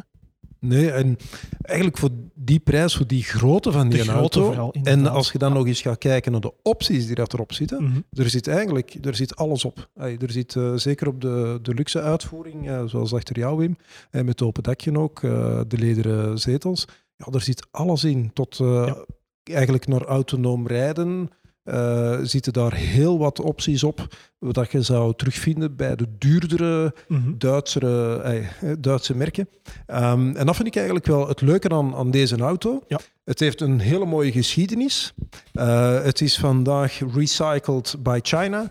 Ehm, maar dat is, dat is op zich geen probleem. Hè. Het is eigenlijk, ze hebben alle kennis. De batterijen zijn van Kettle, is eigenlijk eh, de top wereldproducent Mhm. eh, qua, qua batterijen voor de automotive. Er zitten topbatterijen in. Eh, technologie is top. Dus het is echt wel een, een, een, een... Het unieke aan deze auto is dat die voor de particuliere markt ook gewoon behapbaar is. Ja. We willen graag een, een SUV. full option aan, Mhm. aan een 30.000 euro is... Ja, Ja. Daar vind je vandaag een klassieke diesel benzine met diezelfde opties. Sorry, eh, je moet al beginnen zoeken. Hè. Mhm. Ja, en nog twee dingen die mij daar vooral van zijn bijgebleven, is het verbruik. Want wij hebben hem langer een, tij- eh, tijd kunnen rijden en dan zaten wij ook aan 17, 18 kilowattuur, wat voor een SUV eigenlijk best, eh, best goed is. En het feit dat ze nu hun garantie ook hebben uitgebreid na zeven jaar, want er is ehm, los van MG maar één ander merk dat dat doet en dat is Kia. Ehm, maar om als elektrisch merk te kunnen zeggen van, ah ja, nee, kijk, wij geloven genoeg in ons product, hier is zeven jaar fabrieksgarantie. Dat vind ik ook wel een, een statement bijna. Hè. En vijf sterren qua Euro NCAP. Ook al, zeker en dat vast. ook veel Europese topdesigners eh, niet in slagen nog om, eh, om dat te kunnen Ja. halen. Dus op dat vlak vind ik het, eh, vind ik het echt wel een hele, een hele toffe auto. En als je dan ziet, zeker hey, wat dat MG, uit welke stal dat ze komen, dan denk ik dat we nog heel veel mogen verwachten daarvan. Ja, plus ook een, een sterke importeur in België. Hè. Dat er Ja. ook veel doet dat je eh, gaat MG's gewoon bij je lokale dealer kunnen vinden op den duur. Mhm. Ik denk eh, vandaag eh, zijn er heel wat Hyundai eh, garages eigenlijk die ook een MG hebben staan. We zitten hier vandaag in een MG pop-up store, Mhm. zo zijn er ook verschillende. Ja. Dus ik denk eh, zeker dankzij de goede steun van de invoerder dat MG wel, eh, wel Mhm. een mooie toekomst heeft hoor. En dat is iets, Wim, wat dat jij eh, vorige keer zei, dat MG er goed aan heeft gedaan om MG te gebruiken als logo echt en als naam. hè. In plaats van eh, SAIC of eh, een Chinese Maar ja, afkorting. het, je, je hebt in het begin daar straks de, die nieuwe Chinese auto De, gezegd. de Airways U5. ja, hey, je onthoudt dat niet, hè? zomaar, Mhm. even. Eh, Als MG je- moet je niet onthouden, want het zit er nog in. Je Hè? kent dat al, ja. Er Inderdaad. is een geheugensteuntje met maandverband voor die eerste auto. Dank Bart. Bon, dan gaan we voort naar de Mini Electric. Eh, ook eh, uitgekomen, of we hebben er zeker alleszins mee gereden dit jaar, de elektrische Mini. Eh, het is niet de eerste keer dat Mini een elektrische hatch heeft gebouwd. Ze hebben dat eerder in heel beperkte oplagen gedaan, denk Ah, ik. wel, ja, dat heb ik nooit goed begrepen eigenlijk aan Mini of BMW. Allee, ik denk dat wij twaalf jaar geleden ook al schreef, schreven over de nieuwe Mini Electric in Californië, die getest werd, de 500 exemplaren. En dan, dan was het stil. Ja. Idem voor Fiat eigenlijk. Hè. De 500 is er ook als elektrische versie in, in de VS geweest. Eh, maar Omdat de wetgeving dat daar verplichtte. Hè. Ze Ah, hadden ja, toen ja. een elektrische variant nodig om die wagens met verbrandingsmotor te mogen verkopen. Mhm. En daarmee dat heel wat, eh gelijk een Fiatje 500 elektrisch, kun je vandaag tweedehands eh, drie, vier jaar oud importeren vanuit Amerika. Omdat toen de wetgeving zei van, ja, je moet ook in je catalogus Elektrische. aanbieden. Ja. Er was geen verplichting tot quota te halen. Eh, ik weet zelf dat Fiat eh, CEO ooit eh, aangekondigd heeft van ja, maar elke Fiat 500 elektrisch dat wij verkopen, verliezen wij 10.000 euro op. Maar we doen het omdat het gewoon verplicht is, omdat we dan de andere modellen niet kunnen gaan, Mhm. gaan verkopen. Hè. Ja. De Ford Focus elektrisch hè, is ook zo'n collectors item geweest. aan het, Ja, aan ja, het worden. Ehm, dus, dus ja, je hebt wel een paar van die interessante casussen. Hè. Mhm. Ja. Maar Ja, de mini-electric, ehm, voor mij sluit dat een beetje aan bij de Honda E. In, in die zin van, ja, je hebt dat retro-design, je hebt een relatief beperkt rijbereik, een relatief beperkte batterij en je zit allebei rond de 3.000, 34.000 euro. Maar een ongelooflijk veel plezier om ermee te rijden. Ah ja, ik heb er is, zelf eh, niet mee gereden. Dus, eh, De, de electric, of de mini-electric is, Ja. echt, is waanzinnig leuk. Hè. Je hebt de Mhm. baanligging van, van een mini, eh, heel sportief. Eh, Mhm. Je kunt hem vergelijken of zelfs nog iets sportiever dan de Cooper S. Ah ja. Ja. Dus, eh, dus op dat vlak, eh eh, grote voordeel is ook de elektronica daarin. Door, Mhm. de, door de motor eigenlijk te kunnen aansturen, kun je daar ongelooflijk leuk toertjes mee gaan doen. Ja. Dus ey, mijn kinderen bijvoorbeeld vonden dat een waanzinnige sportwagen. Ehm, terwijl dat je van de Mini ja, niet het gevoel hebt van, van een sportwagen te zijn, maar die reed zo leuk en Mhm. scherp en, en ja, echt gewoon heel controleerbaar ook. Ah ja, voilà. Dan eh, moeten wij daar binnenkort nog eens mee gaan rijden. Eh, dan zitten we terug aan dat klein stukje PSA, maar misschien moeten we daar iets sneller doorgaan. Eh, de Corsa E hebben we daar straks heel even aangehaald. Dat is een beetje hetzelfde als de Peugeot 208, die we hier ook hebben vernoemd. Dat is vooral ja, begin 30.000 euro, dezelfde elektromotor, dezelfde batterijgroottes. Ehm, de Mokka E lijkt mij misschien ook wel een interessante, vooral omdat hij er heel funky uitziet. Ehm, dat is een beetje de nieuwe visuele stijl waar Opel naartoe wil gaan. Test jij die niet binnenkort? De Mokka E staat volgende week inderdaad op de planning. Ja, inderdaad. Ehm, We hebben een beetje een een dubbel gevoel tussen Opel en Peugeot. De, als je de Peugeot 208 ziet, fantastisch design, leuke Ja. cockpit eh, binnenin. Eh, ja, en dan moet je eigenlijk met de Opel Corsa E concurreren met eigenlijk zo'n knaller binnen die familie. En Ja. Eigenlijk zou, ay, of dat de Corsa E er nu niet is, Mhm. ik denk de Peugeot 208 zou heel dat gat zonder probleem volledig dichten. Ja.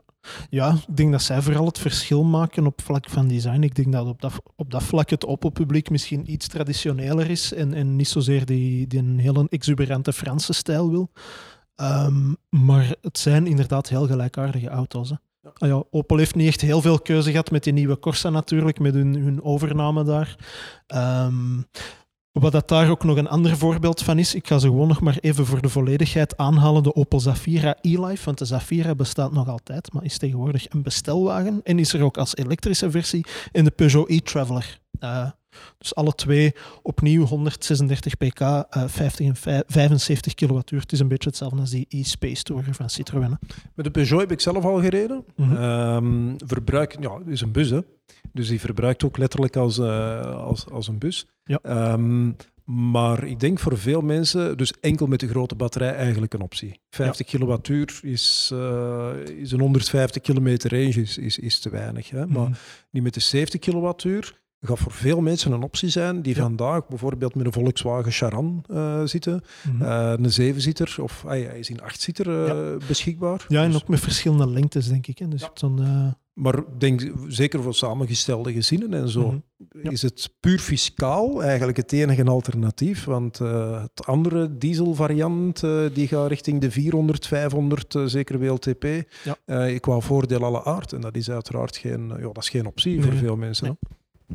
Dan eh, een heel opvallend debuut eh, in 2020, de Polestar 2. Hè.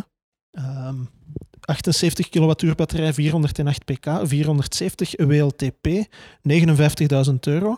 Ehm, ook wel opvallend, al 447 keer ingeschreven in 2020, waardoor hij op plaats 12 staat. Maar Bart, wat dat u en mijzelf ook was opgevallen, is het verbruik ligt een beetje aan een hoge kant. Hè. En als we, hm, ik vergelijk de Polestar heel gemakkelijk met een Tesla Model 3. Zoals iedereen eigenlijk. Zelfs de grote Ja. koffer, ook al is de Polestar iets gebruiksvriendelijker qua koffer dan weer.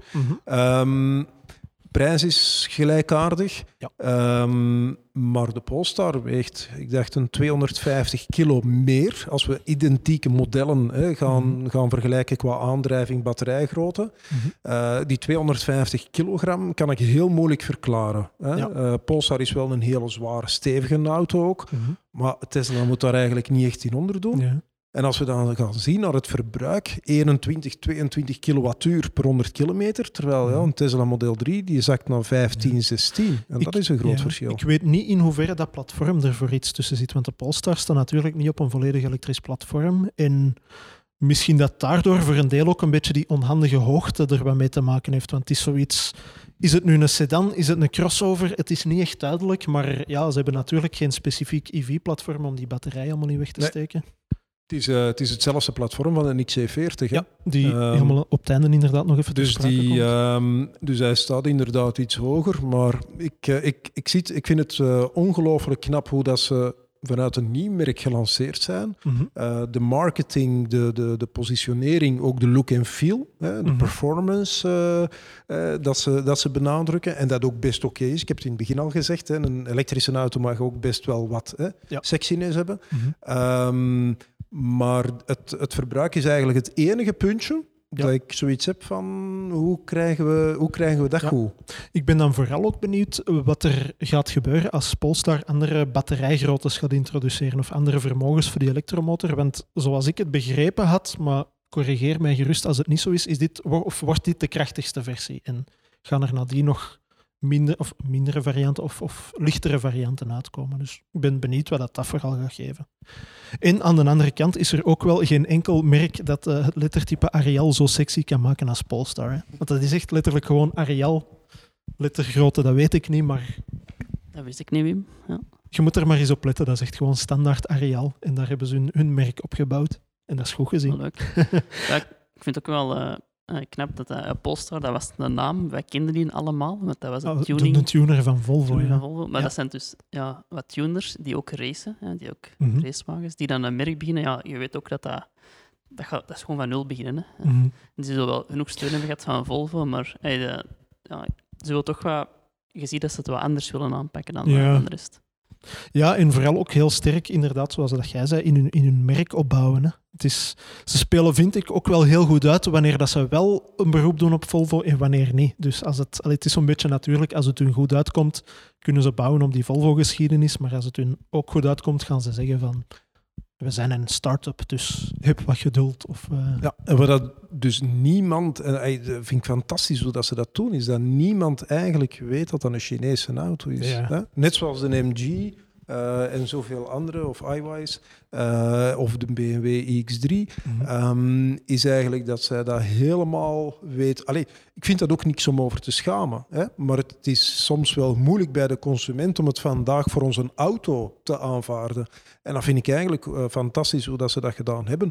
En het is ook volledig eigenlijk Europees design en het sportiviteit helpt daar ook bij. Hè? Mhm. Zeker en vast. Dan een andere opvallende verschijning, de Porsche Taycan. Eh, in 2019 ook voorgesteld, ook heel lang aangekondigd met die Mission E concept car. Eh, we hebben er afgelopen jaar mee gereden eh, als Turbo S, maar de meest verkochte versie, denk ik, is ongetwijfeld de Taycan 4S.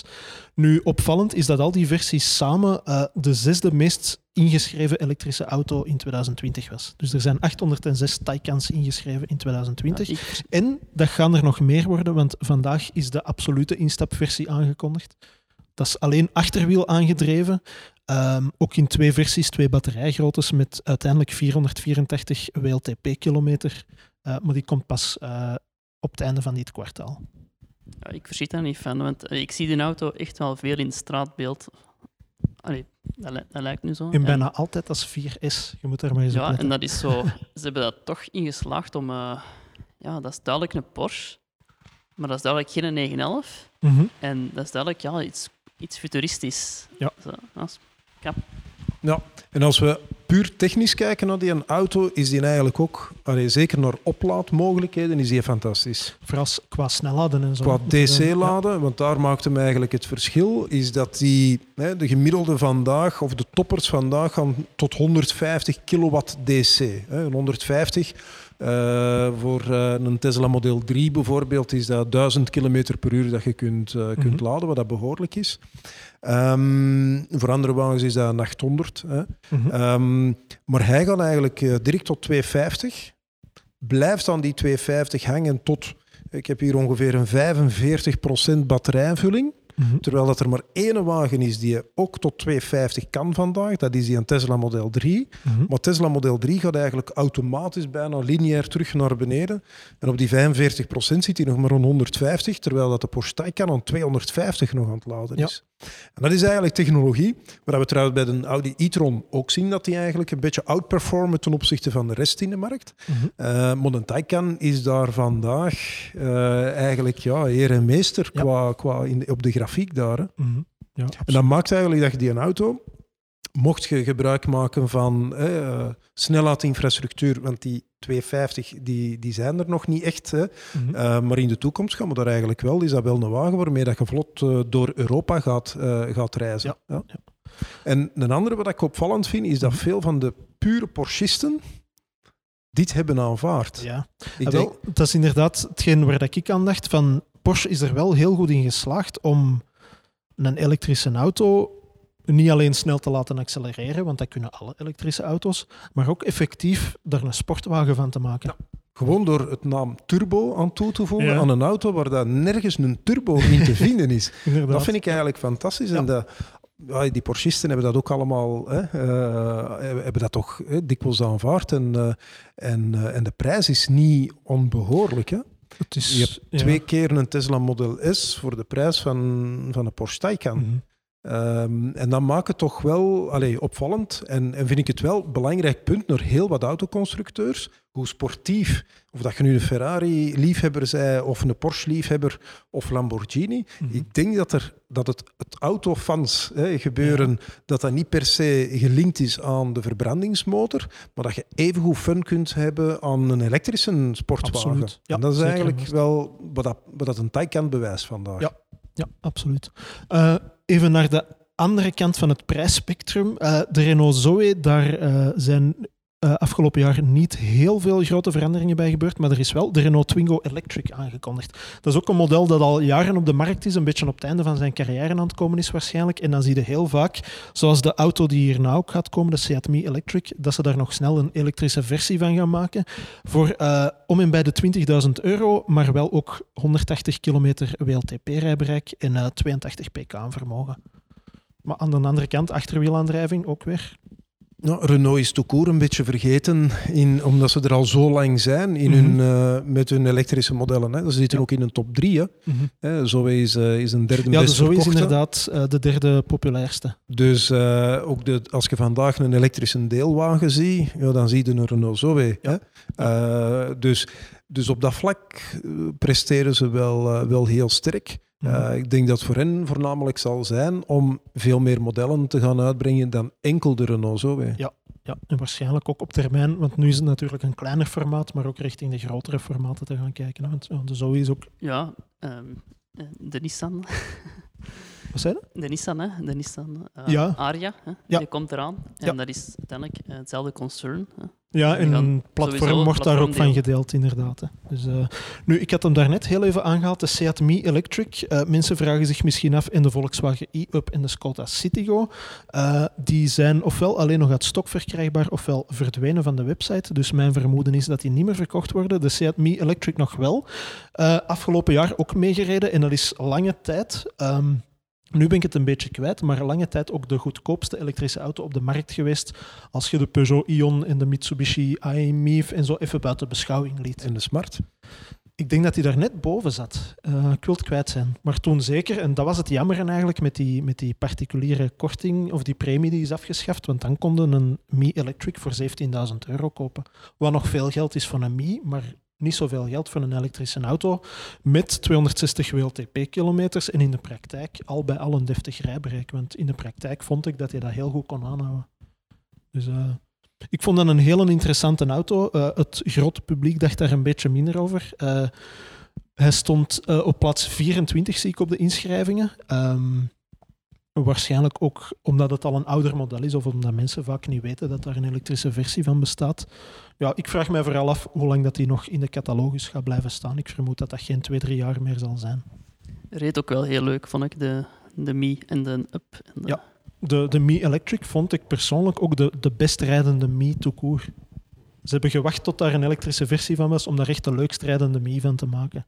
Dus, uh... Maar jammer dat hij te klein is en te duur eigenlijk voor die Ja. particulieren. En zeker in die professionele markt Ja. komt hij eigenlijk ja, bijna niet... eh, Ja. En, en eigenlijk ook een beetje, ja, eh, het zijn een tijd al wat voorbij, hè, want dat is ook een auto van 2011, 2012 en dat voelde binnenin effectief.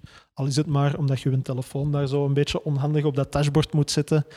Eh, je merkt wel dat dat een oudere auto is ondertussen, maar zeker en vast had hij zijn charmes nog. Eh, dan de Skoda Enyaq iV, waarschijnlijk ook een van de meest eh, ge- geanticipeerde, ik weet niet of dat deftig Nederlands is, maar dat maakt niet uit. Ehm, een van de meest lang verwachte Skoda's waarschijnlijk. Hetzelfde platform als de Volkswagen ID4, maar vooral ook verschillende batterijgroottes en verschillende ranges. Hè. En die, ah, voor, van de Enyaq verwacht ik ongelooflijk veel. Mhm. als, je, als je vandaag ook rondhoort, laten we zeggen dat het zeker in het ah, in het bedrijfswagensegment diegene is met een hele ruime koffer. hè. Mhm. Eh, 600 liter, dacht ik, in die, Om eh, en bij, denk ik, ja. die groot Ehm, is geen kleine auto. Zeker eh, voor, wie, allee, voor wie een paar kinderen op de achterbank Mhm. wilt, eh, wilt zetten en mee op vakantie gaan, allemaal geen probleem. Ja. Eh, deftige mogelijkheden om te snel laden. Mhm. En hij ziet er eigenlijk ook wel leuk uit. Ja. Ja, ze, ze hebben sportief. hem, ja, ze hebben hem iets klassieker of iets traditioneler gehouden dan de Volkswagen ID4, want dat is echt een futuristische auto, zoals de ID3 eigenlijk ook is. Eh, maar ook vooral van binnen de ENIAC. Eh, ze hebben daar nu verschillende, ze noemen dat lounges of zoiets, denk ik, zo verschillende sfeerdingen die ze willen, die ze willen meegeven, maar het ziet er mooi uit. Het is, En nog een heel leuk trouwens detail van de, eh, van de uitvoering met de 80 eh, kilowattuur batterij. Mhm. Ehm, die is eigenlijk binnen, zijn, eh, binnen het bereik, want die gaan een dikke 500 kilometer, eh, 520 denk ik, zoiets WLTP. Eh, die zit eigenlijk op een, op een heel, heel concurrentiële positie. Want als ik hem hier zo zie, eigenlijk rond de 85, eh ietsje hoger, euro's eigenlijk per kilometer range, waardoor dat hij binnen dat segment eigenlijk eh, veel beter presteert dan de Model I bijvoorbeeld van. Tesla, de Mhm. long range. Ja, absoluut. Nu, over Tesla gesproken, Bart, ik ga dat gewoon aan u vragen, want ik ben eerlijk gezegd een beetje het noorden kwijt over eh, de updates en de wijzigingen die Tesla doorvoert, vooral omdat ze daar niet altijd even helder over communiceren, vind ik. Eh, nu, het moet wel gezegd, de Model 3 is wel de populairste auto nog altijd, eh, de populairste EV. Eh 2122 keer ingeschreven in 2020. De Model S en Model X staan op plaats 13 en 14, een goede 400 keer elk. Ehm, maar ja, het hoofdstuk Tesla, wat is daar in 2020 allemaal nog gebeurd? Want ik zeg het, ik ben daar het spoor een beetje bijster. Ja, naast de aandelen eh, zijn, zijn die wagens relatief stabiel gebleven. We hebben de introductie Mhm. gehad van de, van de Model 3. Mhm. Eh, en op die moment is eigenlijk Tesla uit het, eh, de gevarenzone gekomen, omdat ze echt dat volume hebben kunnen, Mhm. kunnen doen.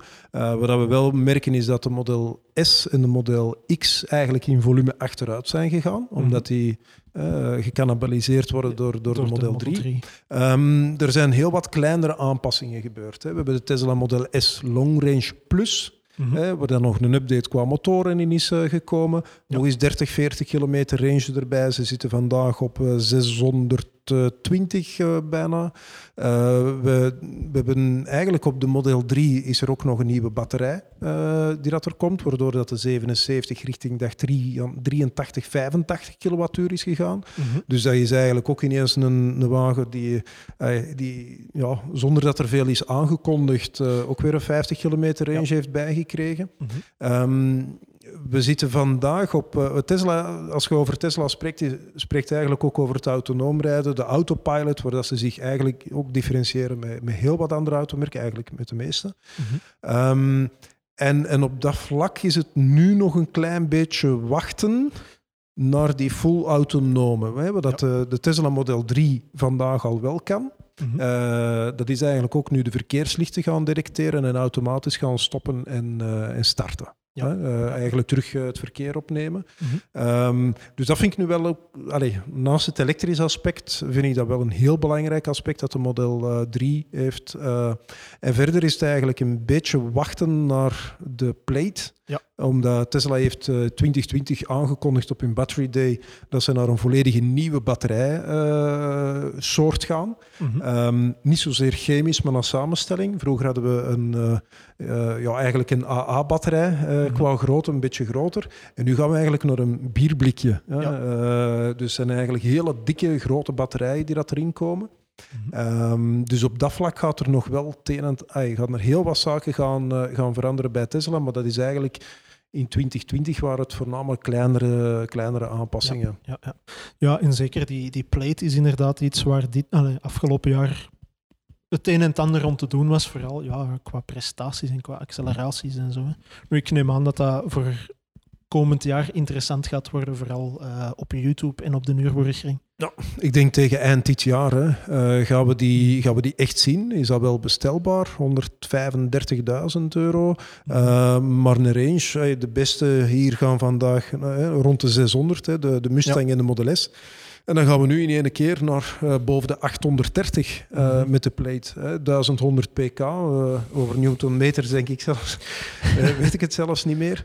Ehm, en als je dan zeker die wagen gaat vergelijken met dan hè, bijvoorbeeld de Porsche Taycan, hè, want eh, Elon Musk kon het niet verkroppen dat de Taycan eh, ongelooflijk goed gepresteerd had op de Mhm. Nürburgring. Ja. Dat hem eh, Model S eigenlijk geprepareerd heeft om, om die ook een keer een toertje te laten rijden. Mhm. En dan denk je van, ja, zouden we er toch twee, drie seconden kunnen afpitsen? En het is uiteindelijk 27 seconden geworden, hè, wat dat waanzinnig is. ja, natuurlijk. Dus van, ik denk dat Tesla nog wel heel veel heeft, eh, dat we 2021 gaan, eh, gaan mogen verwachten. Ja, de Cybertruck eh, misschien. En dan een Roadster ooit. En de Ooit. Model I komt naar Europa nu ook, hè? Eh, een andere heel, eh, allee, ik denk dat dat vooral de laatste opvallende verschijning van 2020 was, is de Volkswagen ID3. Ehm groots aangekondigd als, door Volkswagen zelf vooral als de nieuwe kever en de nieuwe golf. Eh, dus het nieuwe hoofdstuk en even baanbrekend. Nu, ik moet zeggen, in de praktijk lost hij die verwachtingen zeker niet in. Maar ik vind het persoonlijk wel een groeier. Een auto, je moet daar misschien eens een tweede keer mee gereden hebben en dan je moet u vooral voorbij de anticipatie kunnen zetten. En dan is dat zeker geen slechte auto. Het zal vooral voor het grote publiek denk ik ook wel wachten zijn op de, de, de kleinere batterijen. Want nu zitten we aan een instapprijs van om en bij de 35.000 euro. Maar desondanks eh, ook de vijfde plaats eh, qua aantal inschrijvingen in 2020. Want we zitten nu met een midrange, ik dacht zo'n 55 kilowattuur qua, qua Eh, batterijgrootte. 58, ja, inderdaad. 58. En dat maakt hij wel bruikbaar Mhm. eh, en eigenlijk wel best oké. Eh, maar het is inderdaad een wagen die u warm moet krijgen. Absoluut, en ja. dat je de look zijn voor de ene iets te futuristisch. Ehm, en voor de andere, als je binnenkomt, eh, allee, of binnen zit qua interieur, is, is soms een beetje wennen aan een wit stuur. En Ja. hè, ziet er nogal pimpt en gepimpt uit. Ja. Ehm, en, en ja, de softwareproblemen bij, bij Volkswagen hebben toch hè, eh, hun inslag toch, eh, toch gehad. Mhm. Eh, vandaag zijn er nog heel wat opties die nog niet beschikbaar zijn, die nog altijd hè, moeten, eh, moeten geactiveerd worden achteraf. Mhm. En dat is dan wel, eh, als je kijkt naar, naar een bedrijf als de Volkswagen Groep, die is ondertussen 50, 60 miljard eh, geïnvesteerd hebben in elektrificatie Mhm. om te overleven. Eh, er komt ongelooflijk veel op ons af vanuit de Mhm. Volkswagen Groep. Ehm, maar de ID3 is, is gelijk de derde golf die je dat eraan moet aankomen. Allee, Ja. De derde wave, moet ik dan zeggen, bij, bij Volkswagen. Eh, qua, qua, eh, qua unieke en, en historische momenten. Mhm. Heb ik toch ook zoiets van, ja, maar ja, we zitten qua prijs niet extreem scherp. Nee, er, er steekt zo niks uit waardoor dat je zegt van dat doet een ID3 nu Ja. anders dan alles wat er momenteel al is. Hij is ook niet extreem sportief. Wat we met de GTI, eh, de Golf vroeger Mhm. hadden. Eh, heeft zelfs een beetje problemen, vind ik, met het, eh, met het vermogen eigenlijk op de weg te krijgen. Want als Als je nat gas is, is dat geeft, inderdaad... dan is het, heeft hem het eigenlijk heel moeilijk. Terwijl dat er heel wat andere modellen zijn met dubbel, driedubbel van het Mhm. vermogen, waar dat je gewoon gas geeft en in een rechte lijn accelereert. mhm. Terwijl dat hem hier toch een beetje gaat gaat zoeken. Dus ja, een beetje een dubbel gevoel, inderdaad, met, eh, met een ID3. Ehm, nu, ik moet wel zeggen over die, die opvallende looks, als je die in een donkere koetswerkkleur ziet passeren of in een, een eentonige kleur, dat klinkt nu negatief eentonig, maar gewoon één tint, uh, dan valt het echt veel beter mee. Het is inderdaad, als je dat flashy appelblauw zeegroen combineert met een wit interieur, dat is niet voor iedereen gegeven, maar een zwarte auto met een donker interieur, dat is eigenlijk relatief onopvallend. Um... Ik dacht dat je ging zeggen, als je hem in een donkere ziet, dan... nee, ik wou iets over Joepies zeggen, maar ik dacht, nee, nee, niet Maar qua prijs zit hij eigenlijk wel... Allee, de first edition is ja. dan weer wel goed aangekleed. Ja, zeker qua, qua opties, waardoor dat hij qua, qua range wel, wel, wel redelijk oké zit. Mm -hmm. Maar het is zo geen uitschieter ergens. Nee, het is hetgeen wat ze op voorhand hadden aangekondigd, of, of hoe dat ze het aankondigen en wat het in de praktijk is. Het verschil is inderdaad... Ja, er is een verschil inderdaad. De, de ENIAC gaat er nu misschien een beetje mee lopen. Hè? Ja, wel, want dat is de volgende op de lijst inderdaad. De Volkswagen ID4, dus dezelfde basis als de ID3 en als een ENIAC. Um, 52, 77 kilowattuur. Uh, voorlopig alleen verkrijgbaar als een versie met 77 kilowattuur voor 320 kilometer. Net geen 50.000 euro. Uh, ik ga eens heel snel even terugspieken naar de ENIAC. Uh, die instapprijs ligt lager, maar die heeft natuurlijk ook wel een kleiner batterijpakket momenteel. Maar ook een hele futuristische auto. We hebben hem al langs van dichtbij gezien, uh, van binnen en van buiten. Dat is het verlengde van de ID3 eigenlijk. Hè. Dus, um, en dan komen we bij de laatste van 2020, de Volvo XC40 Recharge. Uh, in 2019 voorgesteld. We hebben er jammer genoeg nog niet mee gereden. Maar de basis, de technische basis, is dezelfde als die van de Polestar 2. Hè. Dezelfde motor, dezelfde batterij. Uh, de prijs is nipt hoger, uh, net geen 63.000 euro. maar ja, een klassieke auto met een moderne aandrijflijn eigenlijk. Hè. Dus... Ja. En dat vind ik zal waarschijnlijk een ongelooflijke goede auto zijn, technisch en qua degelijkheid om mee te rijden. Mm -hmm. Maar als we dat puur kijken naar, naar prijs, en ik zie hier hè, de, de, de XC40, 63.000 mm -hmm. voor een relatief kleinere batterij in vergelijking bijvoorbeeld pakt even groot ook een SUV, een Ford Mustang. Mm -hmm. Ja, dan gaat je wel direct zien dat, dat je natuurlijk met een Mustang ja, geen 63.000, te zijn in de topuitvoering. Ja. Maar dan zitten we niet met 400 kilometer, maar direct al met 600 kilometer range. Mm. Dus uh, hij is wel relatief hoog geprijsd. Ja.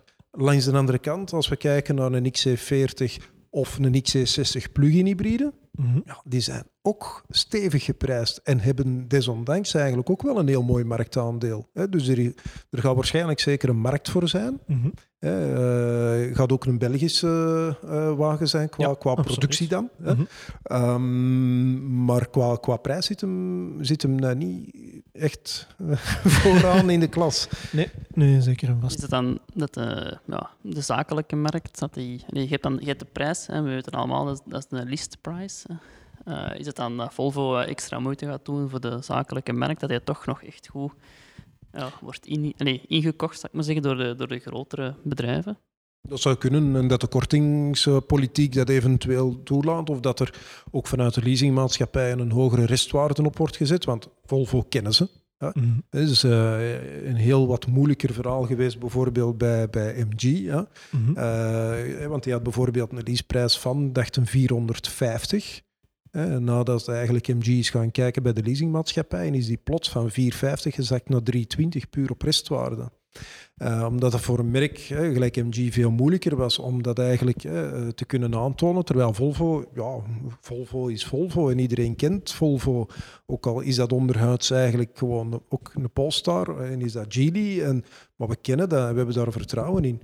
Dus dat dat op dat vlak. En veel mensen zoeken ook een veilige auto. Mm -hmm. hè, laat ja. dat nu ook het speerpunt zijn van Volvo. Dus ook een veilige elektrische auto. Ja, veilig Volvo, elektrisch Volvo XC40. Hè. Ja. Dus, dus ik denk op zich dat dat wel moet, uh, moet lukken en dat mensen daar een meerprijs voor, uh, voor betalen. Dat is, uh, dat is best oké. Okay. Ja. Nu, voor we een heel snelle blik, want ik zie dat we ondertussen al geruime tijd bezig zijn, maar voor we een heel snelle blik naar 2021 gaan werken, werpen liever. Um, zijn er drie auto's van afgelopen jaar die er voor jullie het meest uitschieten? Kunnen jullie er drie nomineren? Ja, denk het wel. Uh, ik kan even aan het bord zien. Hè. Ja. mooi gemaakt. het, het mooie, uh, de, gedetailleerd uitgewerkte ja. magneetbord. Met professioneel um, afgeprinte Taycan foto's. sowieso. De Porsche Taycan, ja. De Maggie. De Mustang Maggie. Uh, dan de derde is moeilijker eigenlijk. Ik zou... Ja, nee, de MG. Ja, de MG. En, sorry, wat was dat? hè? De MG. MG, ja. En voor u, Bart? Ehm, eigenlijk, ja, de, daarom niet in de, in de juiste volgorde, maar ik denk dat de, eh, de Enyaq, omdat dat toch eh, heel wat teweeg gaat brengen op de fleetmarkt, samen met een, eh, eigenlijk de, eh, de Ford Mustang Mach-E. Ik denk Mhm. dat dat de twee koplopers gaan zijn in de fleet naast Tesla. Ja. Dus als nieuwkomers mag dat absoluut wel, eh, wel tellen. Ehm, en dan eigenlijk ja, naar de particuliere markt, als we daar kijken, is eigenlijk de MG hier Ja. eh, wel, eh, Mhm. wel een topper. Hè? Ja, wel, ik denk dat ik mij zeker bij de MG voor de particuliere markt kan aansluiten. Zowel qua prijs, qua garantie, waar we het er straks over hadden. Ehm, de Honda E blijft er voor mij uitschieten. Dat kan ik niet verklaren, dus dat moeten we maar aannemen. En ja, de Mustang Mach-E, daar ben ik heel benieuwd naar inderdaad. Vooral, Want ik denk eigenlijk die, de MG, want ik, ik zeg wel particuliere markt, Mhm. maar eigenlijk in de professionele markt, 325 euro vanaf prijs qua lease. Welk alternatief heb je daar vandaag in diesel of benzine in? Mhm. Dan Dat heb je dan- allee, in dezelfde grootte. ja, Dus, wel. dus eigenlijk ook in die professionele markt. En dat vind ik dan wel een. eh, als, als- samenvattend voor 2020. 2020 heeft ervoor gezorgd dat elektrische wagens betaalbaar zijn geworden. En eigenlijk voldoende beschikbaar zijn qua, hè, qua modellen enzovoort. Dat is eigenlijk de grote verandering. Ja. Dan is de MG wel een die, hè, die, die weliswaar het base-segment, maar heel goed kan bedienen. Dus gewoon nu ja, meer concurrentie. En die concurrentie die gaat die innovatie meer aandrijven, aanwakkeren. En, en dan gaan de, de prijzen dalen hè, een tijdje. Een katalysator, ik zal het woord nog eens bovenhalen. Eh, we gaan onze vooruitblik op 2021 een beetje versnellen. Ik heb er een paar opgelijst. We moeten maar zien welke dat we interessant vinden om nog heel even over te hebben. Eh, Audi komt uit met een e-tron GT en een Q4 e-tron dit jaar. Eh, BMW heeft de iX, die heel opvallende verschijning, als we dat zo mogen noemen, diplomatisch. Eh, 500 pk, 100 kilowattuur, 600 kilometer WLTP. De i4 komt er ook aan bij BMW. Cupra heeft dan weer de L Born overgenomen van Seat. En dat is onderhuids de Volkswagen ID3. Dacia, eh, de Spring Electric, dus dat zou dan de goedkoopste elektrische auto op de markt moeten worden.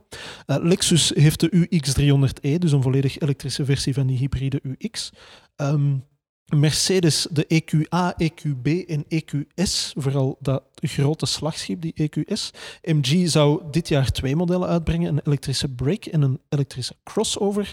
Nissan heeft de Aria en Tesla, ja, de Model I, die gaat er eindelijk, eh, eindelijk arriveren. En dan is er nog het verhaal van Link Co. Dat is een beetje een relatief onbekend verhaal nog, maar die hebben eh, qua basis ook een beetje de Polestar 2 en de eh, XC40 Recharge, als ik me niet vergis, maar dan vooral in een soort huur-slash-leasing formule. Hè? Met een Belg als, Belg als CEO, denk ik. Voilà. Dus ja, eh, dingen die mij persoonlijk heel interessant lijken zijn vooral ja, de Dacia Spring Electric. Als we het daar straks over die individuele mobiliteit van die Citroën Ami hadden, ja, dat zijn die kleine doosjes op wielen, de kabouterauto's. Nu, ik denk dat die Dacia hopelijk een beetje dat kaboutersegment wat wil on- ontgroeien. En zoals het 15 jaar geleden voor, voor de gewone auto heeft gedaan, nu wat voor de elektrische auto wil doen. Ja. Ehm, En dan denk ik de Audi GT. Ja.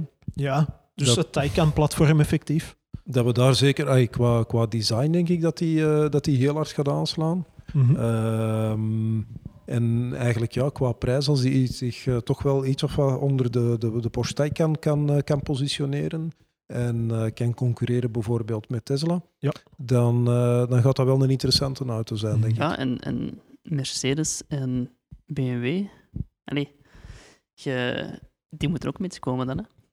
Ja, die hebben, ja, 2020 hebben ze zo wat gemist. Hè. Eh, alle twee. Eh, de start, eh, de boetes op zich nog wel kunnen opvangen met de plug-in hybrides. Ja. Hè. Dat, ze, dat ze wel heel sterk in, in zijn. Mhm. Maar hun elektrisch aanbod is eigenlijk niet, niet geweest wat, dat ze, wat, dat ze, wat dat ze gehoopt hadden misschien.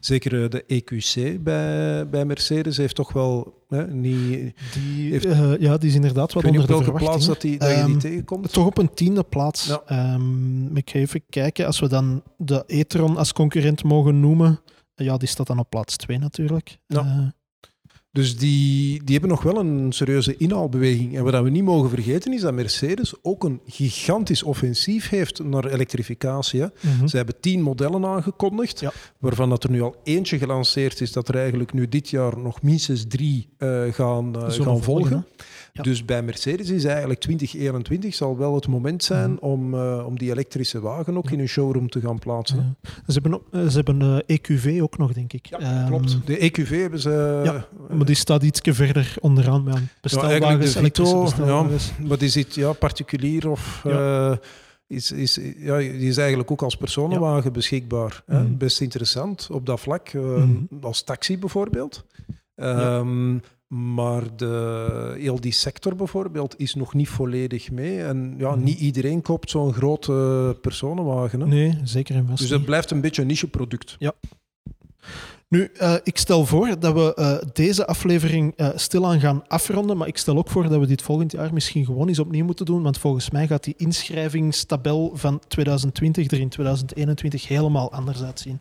Bart, geweldig hard bedankt voor de tijd die je voor ons hebt vrijgemaakt vandaag. Wim, bedankt voor de aanwezigheid en de inbreng.